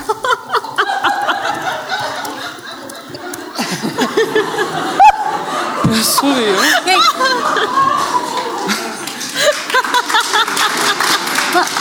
Nee, maar nee. Nog één, nog één, belangrijke op- opmerking. En er zijn mensen hier in de zaal die er ook veel, eh, sociologen die er ook heel veel eh, vanaf weten.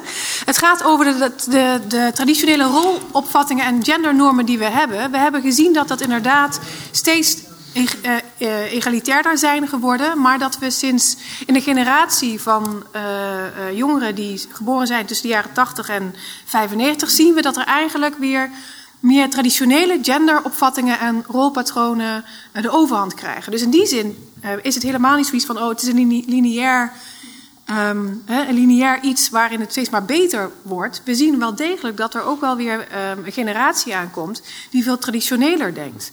Dus um, nogmaals, ik denk nog steeds dat we een klein beetje gas moeten geven. En zeker niet. Uh, maar moeten stoppen, maar dat is mij niet. Ebru, wat, wat ja, voornamelijk dat, het, dat er gewoon een politiek correcte norm is van man en vrouw zijn gelijk. Dat wordt wel gezegd, maar inderdaad op sociaal, economisch en politiek niveau zien we dat nog niet helemaal terug. Dus daarom vol gas verder gaan in plaats van. Uh... ah ja. Oké, okay. eigenlijk vind ik het een interessante situatie. Want eerst en vooral, we zitten heel mooi voor mijn perspectief met een zaal die lijkt heel vol met vrouwen. Maar hier komt een man, wat moeilijk is misschien om een vraag te stellen. Jij zit daar, iedereen kan het lezen, dus eigenlijk heb je heel veel macht. Dus wacht even, voordat jullie... Want het is wel interessant om gewoon te zien van, kijk, elke situatie is wat anders. Hier vanavond zitten we wel in een situatie waar het eigenlijk qua macht en, en wie mag wat zeggen en doen, is wat anders dan in normaal. In ons dagelijks leven, mijn dagelijks leven, is dit gewoon echt een uitzondering. Dit soort van max-situatie. Maar, dus ik vind, we moeten dat wel beseffen, dat er is een macht. Maar ook, hoe weet jij dat hij een witte heteroseksueel man is? Dat is eigenlijk wat jij hebt besloten. Dus ik vind, ja, dus kijk, nee, voorzichtig, want dit is geen... Ja, ja. Ik wil geen clapping for white privilege, white male Christian privilege. Nee, dat is het niet. Ik wil gewoon dat we allemaal beseffen dat er altijd een macht is en welke rol die macht speelt en ook wie beslist wie is wat. Want eigenlijk een stukje voor mij wat feminisme is, is dat iedereen mag gewoon zelf identificeren als zij, hij of x wil. Ik weet niet precies hoe je moet... Dus ik vind het belangrijk om gewoon daar een punt te trekken. Sorry. Oké, okay, er, is, tijd voor één, één korte vraag nog uit het publiek voordat we doorgaan. Ja, daar. Wacht even tot de microfoon er is. She doesn't need a phallus. Ik kan ook heel hard roepen. Ik uh, ben 30 jaar geleden feminist geworden. En toen waren de beschuiten waren roze als er een kindje geboren werd. Een jaar of tien geleden veranderde dat waren er ineens blauwe beschuiten als er een kindje geboren werd en het was een jongetje. Eerder was dat gelijk. En je ziet steeds meer ook de kaarten, die zijn of roze of blauw voor een jongetje of een meisje. Ik vind de laatste tien jaar, twintig jaar misschien al wel, het veel meer naar ongelijkheid toe gaan. In die zin, het verschil wordt meer benadrukt dan vroeger, dan toen, toen ik begon als feministe, 30 jaar geleden. Met nou, volgens mij... Oh, sorry. Worden we conservatiever? De laatste nou, zoiets zei je al. Nou ja, er is dus onderzoek geweest wat gaat over de, de rolopvattingen, de genderrolopvattingen, waarin je dat inderdaad ziet in de jongere generatie. Maar volgens mij, als ik zo interpreteer waar jij het over hebt, dan gaat het heel erg over, of u, dan gaat het heel erg over commercie. Ik bedoel, er is gewoon een slim, dit is gewoon slimme gender marketing, gender pricing. Ja. Ja, ja. Ja. Ja. ja, maar eigenlijk vind het... Ja, zeg maar. Nee. Ja, ik weet niet hoe het was 30 jaar geleden, maar ik was zelf gechoqueerd eigenlijk hoeveel... Want ik vind zelf als ouder, ik ben iemand die elke dag bezig is met gender... En ik zie hoe moeilijk het is als ouder met die kinderen. Zoveel dingen komen gewoon onbewust uit je eigen hoofd. Of, of dus eigenlijk, we moeten straks over implicit bias misschien, maar ik vind het een beetje, een beetje chockerend voor zelf. Maar ook, je ziet, wat is eigenlijk nu aangeboden in de winkels? Boeken, alles wat eigenlijk voor meisjes is, is over prinsessen. En, en, over, ik moet, en ook bij de Disney-films. Dus ik zie eigenlijk wel, we moeten wel echt een reactie tegen de commercialism, want het beperkt de keus. En niet alleen voor vrouwen, maar ook voor de jongens. Ik vind het gewoon, ja, ik ben zelf gechoqueerd, maar dat het slechter gaat, dan, dan, ja, dat breekt mijn hart. Goed, on dat negative note gaan we denk ik even door naar het volgende naar de volgende dialoog. Ja, dat is ja. Even over je computer heen. Zo in gezicht.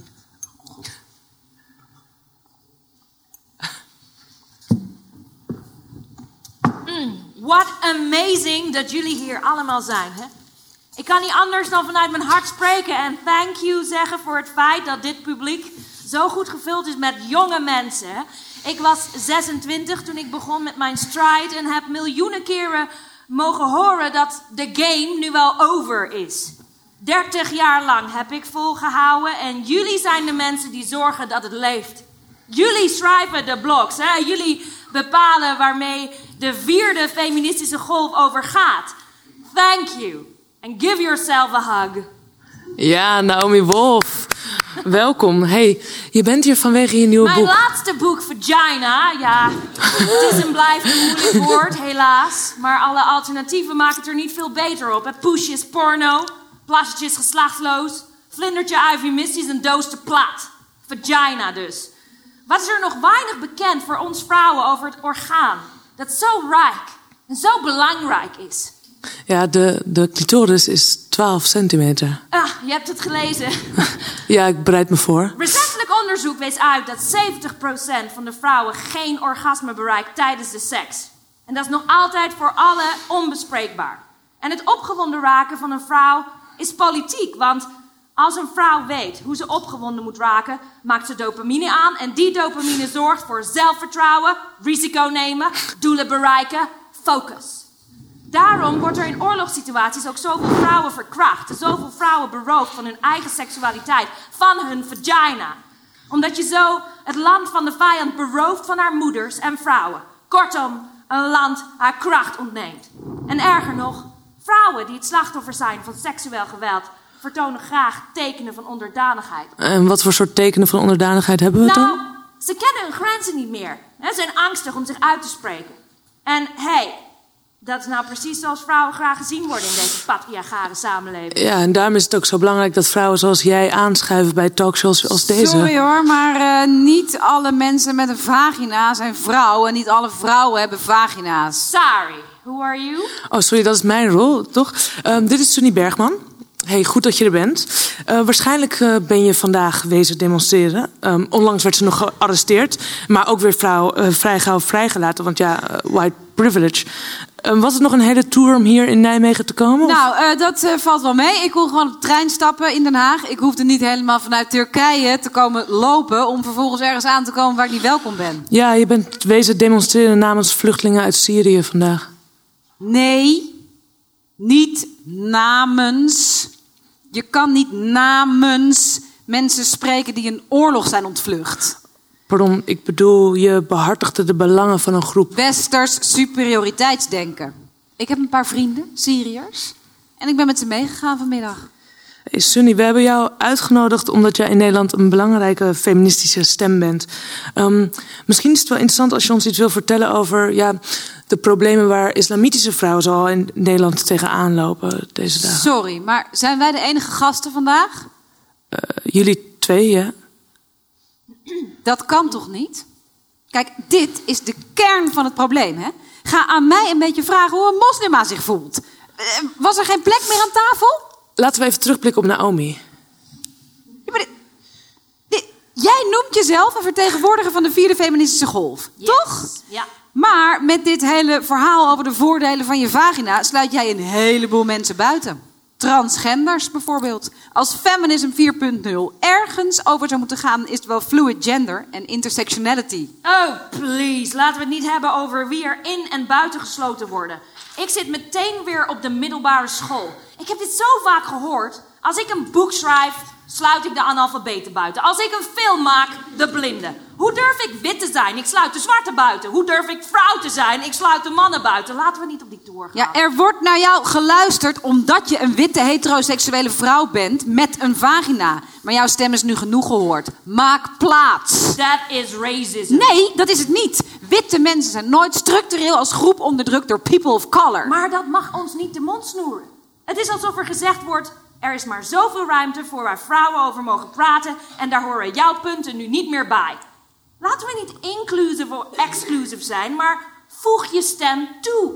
Als de stem van de transgenders niet vertolkt is in mijn boek, laat iemand dan die stem vertolken. We hoeven niet één verhaal te hebben. Ja, we hebben ze alleen niet uitgenodigd. Precies. Jij hebt een verantwoordelijkheid. Iedereen denkt nu dat jij de vierde feministische golf vertegenwoordigt. Maar jij negeert de belangrijkste issues: race, gender en klasse. Ja, intersectionaliteit is misschien goed om even toe te... altijd een soort framing rondom feminisme geweest.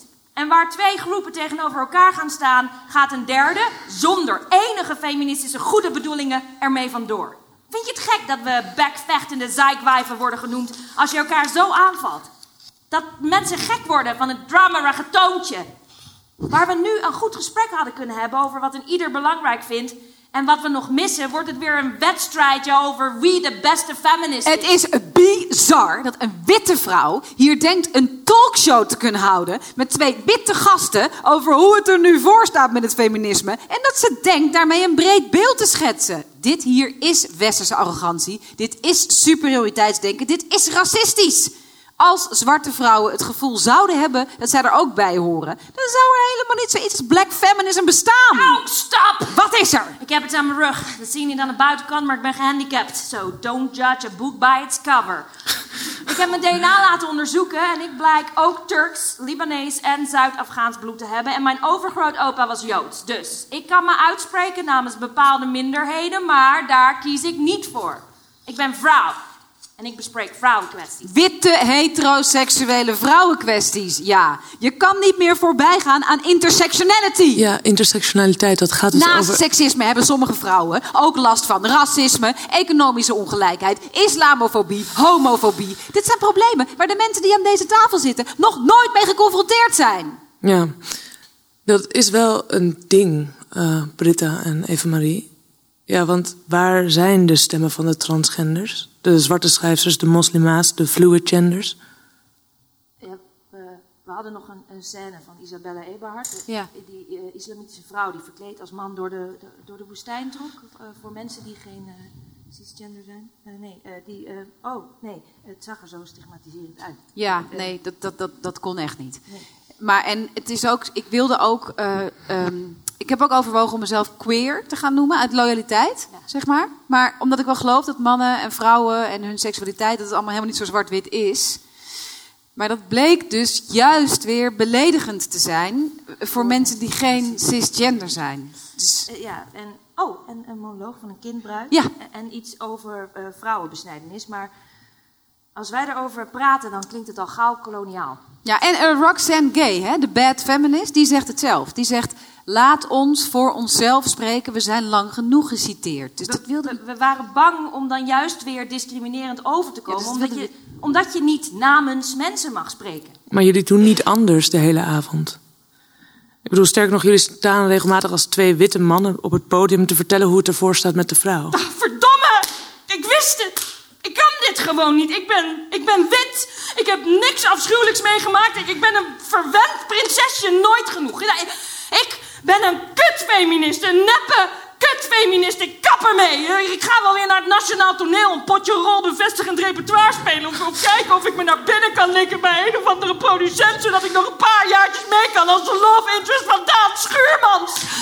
Ik wil gewoon naar huis. Ik heb net een baby. Hou op met huilen! Ja, dat kon, maar ik huil. En ja, dat zal wel allemaal niet genetisch en hormonaal zijn, maar cultureel bepaald. Maar ik kan het niet laten. Ik ben klaar. Mijn feminisme is dood. Ik wil naar huis. Helemaal niet, dat wil je niet. Jij blijft gewoon hier en je kan er helemaal niet meer terug ook. Jij bent een slang in een tunnel en er is maar één weg en dat is dooreten. En jij zal voor altijd blijven zien wat je nu ziet. En je zal je tong af moeten bijten om er niet iets over te zeggen. En, en, en doe je dat, hou in je mond? Nou, dan vreet je jezelf van binnen op.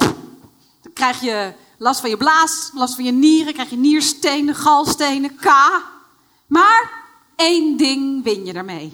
Ja, mensen zullen goed over je spreken. Mensen zullen over je zeggen dat je lief was en aardig. Maar dat ben je niet. Je bent woest. Ja. Wat een vrouw aan shit achter de rug heeft. Man, er is een genocide niks bij. Nee. Ja, er hoeven maar drie generaties overheen, hè, voordat mensen van de ene naar de andere stam zich weer met elkaar gaan voortplanten. Maar voordat vrouwen die hun geschiedenis en dat wat er tot op de dag van vandaag in grote delen van de wereld nog steeds aan de hand is, ten volle tot zich door laten dringen, niet meer boos zijn, zijn we lichtjaren verder. Die vierde golf die schijnt eh, Sexy, smart en vrolijk. sexy, smart en vrolijk te zijn. Nou, ik niet.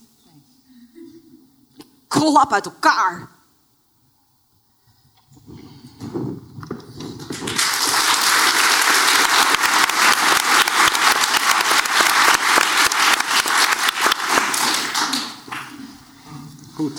de relatie tussen racisme, seksisme en andere vormen van uitbuiting en onderdrukking en marginalisering. Uh, het woord uh, intersectionaliteit viel net een aantal keer. Wat is dat precies? Kan ik die vraag aan jou stellen? Wat is intersectionaliteit?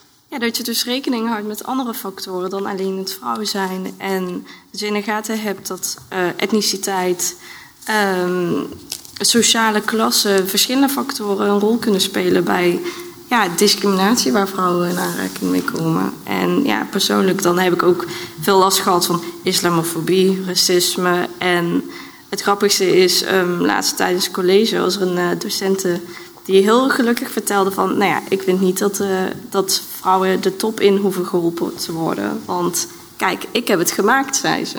En toen dacht ik wel heel goed na... beseft zij wel van wat voor privileges zij heeft genoten besef je dat wel. En uh, dat is denk ik het eikpunt bij uh, witte feministen. Het wordt gesteld. Heb je wel, hou je wel rekening met het feit dat je geniet van heel veel privileges? En dus intersectionaliteit? is het betrekken van allerlei andere factoren dan alleen uh, ja, het zijn van een vrouw bij feminisme. Zoeken naar verbanden tussen die. Zo, zoeken naar verbanden tussen uh, ras. Is er bijvoorbeeld een taalachterstand bij, bij iemand van een, van een andere etniciteit of sociale klasse?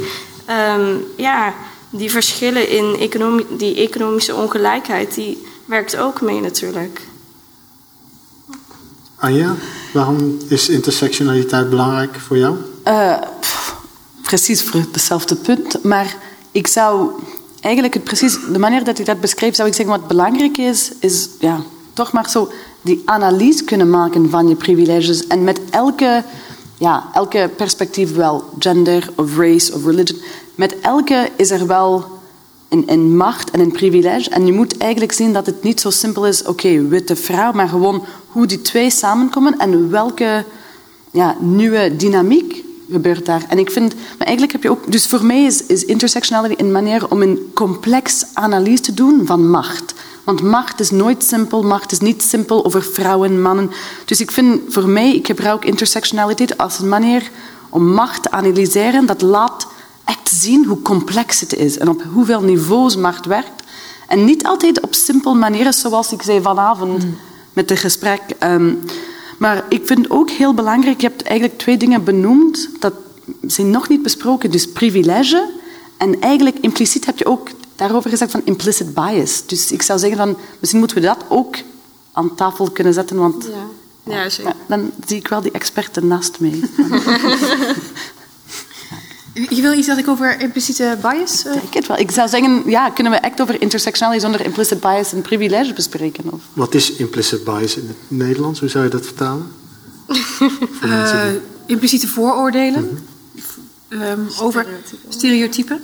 Ja, het gaat bij intersectionaliteit gaat het inderdaad dat je de verschillende assen van, van ongelijkheid hebt. En die, die interacteren met elkaar en die, die creëren een eigen dynamiek. Dat klinkt hier weer heel wollig en en ingewikkeld. Maar het gaat, er, gaat erom dat. Um, um, nou ja, het, het, gaat dus niet, het maakt het veel complexer, het maakt het veel genuanceerder, zodat we ook niet zo essentialistisch.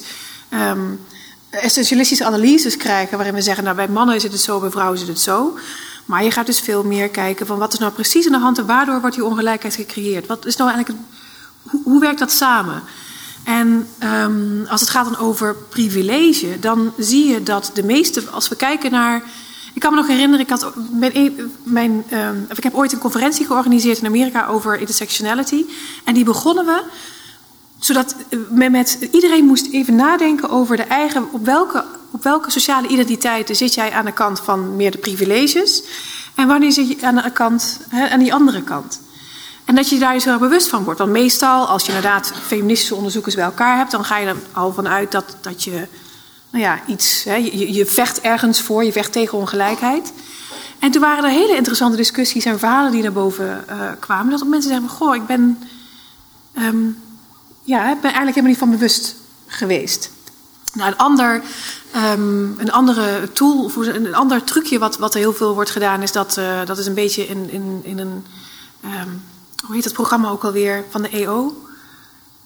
Over de streep zeg maar hè, dat iedereen op één lijn begint. En dan wordt er dus gezegd van nou, hè, ehm, ehm, als het gaat over ehm, ben je cisgender of trans, transgender. Hè, transgender ga je één stap naar achter en bij cisgender ga je één stap vooruit. En je bent geblinddoekt en uiteindelijk na al die vragen moet je kijken waar iedereen staat. Hè? Dus dan gaat het echt, je maakt dan die het privilege en waar je eigenlijk staat, maak je heel erg zichtbaar. Nou, wat is, waarom is dat zo moeilijk in het dagelijks leven? Omdat we implicit bias hebben. Dus we zijn, vaak, ons, we zijn ons vaak niet bewust van impliciete voordelen die wij zelf hebben. En dus ook niet over ehm, de momenten waarin wij dus zelf die geprivilegeerde positie hebben. En als het gaat over impliciete bias, dan gaat het over gender bias bijvoorbeeld. Dat je eerder de kwaliteiten van, ehm, eh, zeg je van vrouwen onderschat. Zonder dat je daar daadwerkelijk, dat je het rationeel kunt kunt uitleggen voor jezelf. Hè? Dus heel vaak, wanneer de vraag wordt gesteld: vind je mannen en vrouwen even geschikt om uh, manager of leider te zijn van een bepaalde club? Zal de, me de meerderheid van de Nederlanders zal zeggen: nee, dit maakt mij niet uit. Als iemand maar goed is, gaat om de kwaliteit. En toch, als we vervolgens dan twee cv's voorleggen die identiek zijn, behalve dat er een verschil in naam is, dan vindt dan vervolgens wel 80% die mannelijke kandidaat meer geschikt dan die vrouwelijke kandidaat. Nou, dat is die impliciete bias. Um, is dit wat je wilde weten? Of wat? Ja, absoluut. En precies, nee, maar dat is precies, zonder dat te kunnen begrijpen, kan je niet echt intersectionaliteit begrijpen. Want wat je moet zien is inderdaad, we hebben allemaal die onbewust biases of vooroordelen. Maar het, eigenlijk, het is niet alleen dat het simpel zo, zoals je zei, als witte vrouw heb je echt een beetje een voordeel, een voordeel omdat je bent witte. Dus veel minder van die eigenlijk vooroordelen tegen jou. En daar komt ook hoe oud ben je, hoe jong ben je. Uh, zit je in een rolstoel, zit je niet in een rolstoel. Seksualiteit. Uh, seksualiteit. Dus ik vind, dus zonder implicit bias kunnen we niet ons privilege beseffen en zonder dat kunnen we niet echt zien hoe macht een rol speelt. Dus intersectionaliteit is iets dat leidt tot een analyse, maar zonder die andere twee concepten kunnen we het niet echt begrijpen. Dus ik vind het ongelooflijk belangrijk. Ik probeer het ook. Ik zal misschien dat ook doen, die over de streep. Maar ik vind het belangrijk voor mijn studenten. Zeker, ik heb vorig jaar een vak gegeven, ethiek voor psychologen. Ik vind dat ze moeten zelf echt zien welke privilege, welke bias. En ze zien hunzelf als neutraal. En daarom vind ik de term neutraal problematisch. Dat kan gewoon niet. We zijn mensen, we leven in een cultuur, in een land, we hebben allemaal verhalen, perspectieven, dus we hebben allemaal bias. En ik vind wat wel problematisch is, als we gaan direct naar ons bias of vooroordelen en we ze benoemen als racist of seksist. -hmm. Dat is wel problematisch, want ik denk voor veel mensen dat ze hebben wel vooroordelen, onbewust, maar dat, ze, dat is niet hetzelfde als racist of seksist zijn. Ik denk daar moet je wel altijd een beetje voorzichtig zijn met het verschil tussen implicit vooroordelen en echt expliciet racisme. Want soms is het wel hetzelfde, maar niet altijd. Wat is het verschil dan precies? Op één kant onbewust bewust. Ik denk, waarom is het zo belangrijk dat een land multicultureel is? Echt multicultureel, waar mensen echt met elkaar spreken. Omdat dan ben je bewust van jouw vooroordelen. Als je komt in contact met mensen die anders zijn en je bespreekt verschillen, dan ben je bewust. Als je blijft na jouw awareness en bewust nog die dingen doen en zeggen, dan is het meestal seksisme en racisme. Maar als het besproken wordt en het gaat van onbewust tot bewust, dan is het wel wat anders. Dus daar vind ik wel het verschil. Duidelijk of nee? Ja. ja. Duidelijk. Is het maar een vraag die, die dan bij mij meteen opdoemt, is je maakt een onderscheid tussen bewust en onbewust, maar zou je niet net zo goed kunnen zeggen dat het misschien gewoon problematisch is voor witte mensen om te zeggen dat ze geen racistische ideeën hebben? Of uh, überhaupt niet. Uh, uh, of, of voor mannen om te zeggen dat ze geen seksistische ideeën hebben. Maar vrouwen hebben ook seksistische ideeën. Ik vind het heel belangrijk dat over implicit bias, wat vond ik echt voor mij wat moeilijk was. Dus ik moet zeggen, als je ooit de tijd zou hebben, ga gewoon naar een van die websites, ofwel Stanford en Harvard, denk Harvard. ik. Ja. En, en doe gewoon een implicit bias test. Vertel niemand dat je zal dat doen, want nee, het is echt scannen. Je voelt gewoon een beetje bescamd. Omdat je voelt van, oh, ik had gedacht dat ik als Jood, ik zou nooit racist kunnen zijn, maar toch wel. Of, dus ik vind het wel belangrijk dat we hebben allemaal die onbewust vooroordelen. Dus je kan dat niet omheen. We zijn mensen, we leven met cultuur. Maar wat belangrijk is, is te zien van die onbewust, daar ben je niet verantwoordelijk. Als je wel probeert jezelf bewust te maken, je verandert, je bespreekt ze. Dus dat vind ik wel heel belangrijk. Maar zeker als witte vrouw heb ik heel veel privileges en zonder dat bewustmaking besef ik dat niet. Dus ja, dat klopt. Dat weet ik. Laten we even teruggaan naar jou. Jij noemde dus straks het voorbeeld van een onderwijzer die zei. Ja. Heb, hè, heb, je, heb je daar meer, heb je meer voorbeelden van, van, manier, van, van, van manieren waarop uh, mensen die zichzelf feminist noemen, bijvoorbeeld tegelijkertijd zich niet altijd bewust lijken te zijn van het feit dat er meer speelt, dat er meer intersecties zijn, om het zo te noemen? Um, ja, voornamelijk bij uh, wanneer we zeggen dus um, feminisme kan ook andere mensen uitsluiten. En dan gaat het niet alleen over wit zijn of een bepaalde etniciteit, maar ook het feit dat bijvoorbeeld religieuze vrouwen, zij houden er ook andere normen op na, andere kuisheidsnormen. En ja, dan word je bijvoorbeeld uh, bij feminisme word je niet vertegenwoordigd als uh, Katja Schuurman haar billen gaat uh, tonen. En het, ja, de vraag is in hoeverre accepteren wij de anders, anderdenkende uh, vrouw? In hoeverre includeren wij die in, in het feminisme gedachtegoed? En ja, inclusiviteit en intersectionaliteit ja, gaat dus over verschillende factoren. Dus niet alleen ras, um, sociale klasse, maar over tientallen andere factoren die je erbij kan noemen. Ja. Hoe doe je dat? Wie, wie, wie, wie, van jullie zou daar graag een voorlopig of een, een, een, eerste antwoord op willen formuleren? Wat zijn manieren uh, uh, concreet om dat te doen, om, om, om uh, feminisme inclusiever te maken wat dat betreft? Ik zou zeggen dat het heel belangrijk is dat in plaats van, een beetje zoals het benoemd hier, in plaats van altijd voor iemand te spreken, een beetje een stap achter. Hoe meer privilege, hoe meer ben je verantwoordelijk om een stap achter te nemen, jezelf even een beetje stil en gewoon luisteren naar de ander. En in plaats van voor hun of haar te spreken. Dus ik zou zeggen van, daar zou zeker een belangrijke stap. Dus uh, dat is misschien ja, één manier om plaats te maken voor een ander stem of een ander, zoals hier benoemd trans of uh, um, of zo voort. Ja, want veel vrouwen voelen zich natuurlijk, uh, ja, het, krijgen het gevoel alsof zij aan bepaalde normen moeten voldoen om uh, feminist te zijn. Dat er bepaalde gedragsrituelen zijn. Uh, ja, de uitbundige seksuele ervaringen. En in plaats van seksualiteit als een taboe te ervaren, dat, dat de vrijelijkheid van seksualiteit, dat dat um, meer de norm is. Ja, het, het gaat er dus eigenlijk in mijn optiek ook om. Um, ja, in hoeverre luisteren we naar, naar alle vrouwen wanneer het over feministisch denken gaat. En in het stuk zagen we dat ook weer terug. Van ja, nou, dan sluiten we blinden weer uit en dan uh, mensen die geen kleur zien. Maar het is toch wel belangrijk dat we in de gaten hebben dat uh, veel vrouwen ook niet de gelegenheid krijgen om te spreken. Want uh, wanneer we in Nederland over feminisme spreken, dan, dan denkt niemand aan een vrouw met een hoofddoek, denk ik. Ja, en ja. Maar strijden die niet voor vrouwenrechten? Misschien komen zij wel veel meer in aanraking met beperkingen die opgelegd worden en een strijd die zij nog extra moeten voeren in vergelijking met of een witte feminist of iemand zoals ik. En ja, don't uh, judge a book by its cover. Maar ja, ik heb ook wel uh, te maken gehad met veel beperkingen en waar ik me tegen in moet zetten. Ook nog dagelijks mensen in mijn omgeving duidelijk moet uh, maken dat ik ook grenzen heb in mijn uh, ja, belevenis van alles. Dus ja. Marieke, zou je daar iets aan willen toevoegen? Hoe, hoe, aan, aan, aan de dingen die gezegd zijn, hoe doorbreken we die distincties tussen.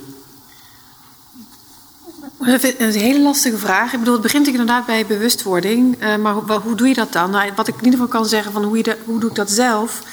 Um, om daar dus heel erg bewust en aandacht voor te vragen tijdens bijvoorbeeld colleges. Uh, die. Dat je daar heel erg van bewust uh, bent. Dat je zorgt wanneer je iets organiseert, dat je inderdaad ook daar divers bent. Want ook als we alleen maar met witte feministen zitten, ook dan zijn we natuurlijk niet divers. Dus in die zin um, in, is in alles wat je organiseert en doet en vertelt, dat je daar probeert zo inclusief mo mogelijk te zijn. En niet alleen maar inclusief, maar, maar dus ook inderdaad wat jij zegt, die, die privileges uh, ter sprake te brengen. En daar mensen op leren reflecteren. Ik vind eigenlijk wat, um, voor, voor mij zeker een beetje als uh, reactie op. Dus uh, ik denk zo'n kort maand geleden, of ergens in maart, was er een beslissing door de Europees, um, niet directer, maar. Ja, vrouwen met hoofddoek, dat zij. Um, um, of ja, dat werkgevers mochten bepalen dat ze geen vrouwen met een hoofddoek aannemen. Ja. En ik vond, ja. Verontrustend, ik. Ik vond het gewoon chockerend, want voor mij was het zo van. Dus we willen eigenlijk meer vrouwen betrekken op alle vlakken qua werk. En we willen ook meer diversiteit. Maar we zeggen, als jij kiest als vrouw, als moslima, om een hoofddoek te dragen, mag je niet meer herwerken. En ik vind het eigenlijk zo van, hoe is dat een stap in de juiste richting? Dat lijkt me gewoon helemaal tegen de richting. Dus misschien klopt het wat mevrouw zei, we zijn 30 jaar terug in tijd. Maar ik vond het eigenlijk chockerend. En er was dan een campagne uh, online van draag voor één dag een hoofddoek om eigenlijk solidariteit te tonen met moslima's die eigenlijk een beetje beperkt zijn door dit. En dat heb ik gedaan voor één dag. En ik vond dat conscious raising. Echt ongelooflijk. Eén dag. En, en ik, ik zit me gewoon van hoe snel je beseft de looks, die, die microaggressions. Ja, als ik stap op een bus met mijn kinderen, ik krijg min of meer altijd een plaats. Want mijn kinderen maken heel veel lawaai. um, als ik stapte die dag op de bus, de looks, chockerend. Dus voor mij was het zo van awareness raising. Maar toch besef ik, ik zit nog met privilege. Ik heb voor één dag gekozen om dat te doen. Wat als ik als vrouw zou dat elke dag willen doen? Want voor mij is dat belangrijk, een stukje van wie ik ben. En dan krijg ik dagelijks die looks. Welke soort van internalization zou ik krijgen? Van, dus ja, het is gewoon... Ja. Ja. Wij passen nog wel in de witte norm. Wij kleden ons ook juist. Wij praten ook misschien. We hebben, we hebben geen taalachterstand in die zin. En wij hebben ook privileges natuurlijk. Maar als je dan inderdaad een vrouw met een hoofddoek. Um, hoe makkelijk is het voor haar om zich tussen ons te scharen? Dat is nee, zoals implicit bias. Een tegenovergestelde implicit bias heerst er ook bij, bij etnische minderheden, inderdaad vrouwen met een hoofddoek. Want zij denken, ja, is er wel een plaats voor mij? Word ik wel aangenomen? Of ja, maar zij denken toch zo over mij. Ik bedoel, zoveel um, vriendinnen die niet bij de moslimvereniging wilden werken, omdat ze dachten: ja, maar dat kan ik toch niet op mijn cv zetten. Dan denken ze gelijk dat ik extremistisch ben. Ja, dat vond ik echt heftig, want um, ik, ik ben ook een moslim, maar ik stelde dus voor of we in het bestuur van de moslimvereniging zouden gaan. En toen zeiden ze: conservatievere meiden dan ik zeiden van ja, maar ik weet niet of ik dat op mijn cv zou willen zetten. Heftig. Ik vind het heftig voor twee redenen. Ik vind het heftig omdat ik, ik probeer mezelf eigenlijk een beetje in jouw plaats te zetten. Ik vind van wat ongelijk dat zoiets gebeurt. Maar het is ook dubbel heftig voor mij, want ik heb een Joods achtergrond. En ik denk van, wat... Nee, ik zal het niet zeggen. Wat gebeurt nu terug in Europa? Hoe kan het zijn dat toch nog een andere groep van een andere godsdienst zo uitgesloten is. Dus voor mij is het heftig in de zin van, hebben we niks geleerd? Van, van hoe kan dat? Dus, dus ja, het is heftig op, op twee vlakken voor mij. Van, ja. Hoe kan dat? Van, ja, dat je kan niet, ja, en niet schrijven op jouw cv, omdat ze zullen dan een link maken tussen dit god. Ja, en, en mensen, het is toch belangrijk dat iedereen sociaal betrokken is, maatschappelijk actief is. En als vrouwen zich dan... Uh, dan al buitengesloten voelen en in hun hoofd al een beperking opleggen. Dat laat ons zien, net als met die columnisten die dingen niet meer durven te schrijven omdat ze bang zijn om gelabeld te worden. Ja, bepaalde vrouwen durven ook niet. Voor een, voor persoon met een andere etnische achtergrond is het ook al moeilijk om. Uh, kan het moeilijker zijn dan de gemiddelde Nederlander natuurlijk om je in een bepaalde uh, sociale, in een bepaalde organisatie te bevinden en dan te beseffen, ik ben als enige hier. En je moet dan nog altijd een acceptatieproces doorstaan. Maar zulke mm, vrouwen, vrouwen met een hoofddoek of andere heel zichtbaar, als je uiterlijke kenmerken hebt, zwart of uh, als het heel erg zichtbaar is dat je een andere ras hebt, dat het, ja, dat het gewoon in je hoofd al belemmert om bepaalde stappen te nemen. En dat is heel jammer. En dan kunnen we het hebben over inderdaad racisme dat in uiting komt. Maar racisme dat niet in uiting komt, dat is net zo erg omdat ja, je beperkt daar heel veel mensen mee. En dat heeft cruciale gevolgen voor veel mensenlevens. Dat af te doen als ja, niet zo erg, dat ja. klopt voor mij niet. Als ik een, een beetje een kritische vraag mag stellen, want je, je hebt het over, over ehm, eh, Anja, je hebt het over, eh, ik heb op een gegeven moment ook een hoofddoek opgezet en ik ben, ik ben op straat gaan lopen Als kijken. solidariteit Als actie. soli- Maar veronderstelt solidariteit dat we dat soort dingen doen? Omdat het, pro- het probleem is natuurlijk, kan solidariteit niet ook veronderstellen dat, dat, dat mensen, dat je gewoon probeert te begrijpen ehm, waar iemand mee te maken krijgt, zonder jezelf per se in de schoenen van die ander te willen plaatsen. Maar kun je dat? Kun je dat? eh? Dat, kun je dat nou? Oké. Moeilijker lijkt me. Ik denk dat die ervaring is voor je, was, was het. Juist door die ervaring werd het zo zichtbaar. Dus ik denk, en dat geldt, dat geldt sowieso als het gaat over. Ik ben natuurlijk heel erg veel bezig met hoe krijgen we nou meer bewustzijn omtrent gender en diversiteit, omtrent ongelijkheid. En je, ziet, je kunt het zo vaak vertellen. Je kunt wetenschappelijke methoden, je kunt, je kunt boeken, onderzoeken vol gooien we zeg maar over de schutting en zeggen lees nou en zie wat er aan de hand is. En het wordt gewoon niet geaccepteerd. Pas wanneer mensen voelen of beleven wat het is om in een bepaalde positie te zijn of te komen of te geraken, dan zie je vaak dat het knopje omgaat. En dat mensen denken, oh maar wacht eens even. Dus in, dus in die zin denk ik, als het gaat over awareness, hè, met hoe wij proberen kennis over te brengen hier. We, hebben hier natuurlijk ook weer een debat en ehm, dat is allemaal heel erg belangrijk en het doen van onderzoek. Maar vaak zie je pas dat mensen echt begrijpen wat er aan de hand is op het moment dat het wordt gevoeld. En ik denk dat trouwens theater ook alweer een hele stap is ehm, ehm, om die boodschap over te brengen. Maar aan de, aan, de, andere kant, heel vaak is het gewoon geen optie. Heel vaak is het gewoon geen optie om te voelen wat die ander voelt. Bijvoorbeeld, ik, ik ben niet Ja. zwart en dat Ja. kan ik ook niet zijn. Ja, klopt. En de, dus eh, de vraag is, is dat, is dat een vanzelfsprekende basis waarvanuit we tot een begrip probeer, moeten proberen te komen van wat die ander meemaakt. Ook omdat een hoofddoek opzetten, dat kun je doen als, in ieder geval, Anja kan dat in deze Maar context toch doen. was ik een witte Maar- mevrouw met een hoofddoek. en het Dus- was een keuze. Ja, en het was een kort nee. moment. En al die Maar- kanttekeningen kan je er wel bij maken. Ik zou zeggen, van, het is wel belangrijk, en een beetje zoals je zei, er zijn verschillende niveaus van solidariteit. Op één kant, ik vind, voor mij was het een bewust act, ja, het was een solidariteitsactie, omdat er was ook, overal in Europa, maar ook was het wel op een interpersoneel heel solidaritair.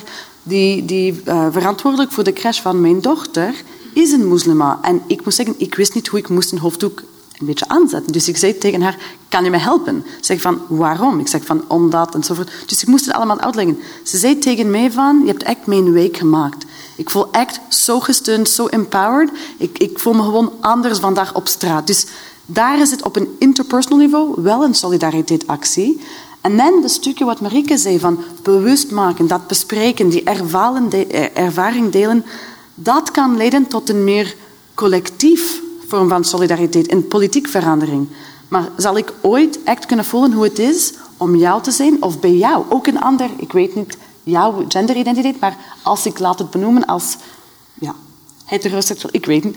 Ik zal nooit dat ook kunnen weten, hoe het is om Marieke te zijn. Je kan nooit weten is hoe het een ander mens te zijn, maar je moet toch proberen buiten je eigen ja, privilege te stappen en zien of ervaren als het kan. Want dat is een stap naar solidariteit, volgens mij. Oké. Op dat noot gaan we weer even terug naar de zaal voor een laatste ronde vragen vanuit de zaal. Eh, wie kan ik... Ik wil graag eerst even terug naar u, want u stelde deze vraag eigenlijk. Eh over die in. Oké. Wacht, wacht heel even tot de microfoon. Ik vind het liever aardig. Ik, ik maak me geen zorgen om, om, om deze geweldige mensen, maar ik maak me eh, enorm zorgen eh, om mensen die eh, de macht hebben aan juist de tegenoverstelling van dit.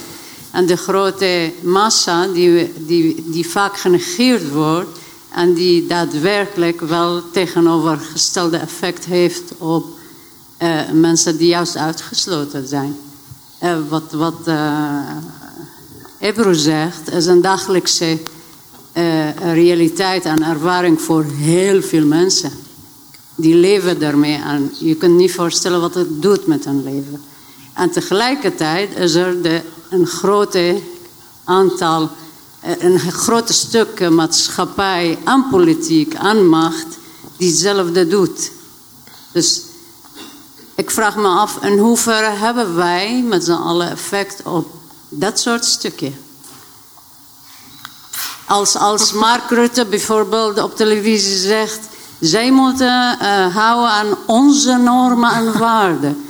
Die christelijke... En dagelijks horen wij dat op televisie en zien wij dat op televisie. En mijn buurvrouw die imiteert dat omdat het waar is. Omdat Mark Rutte dat gezegd heeft.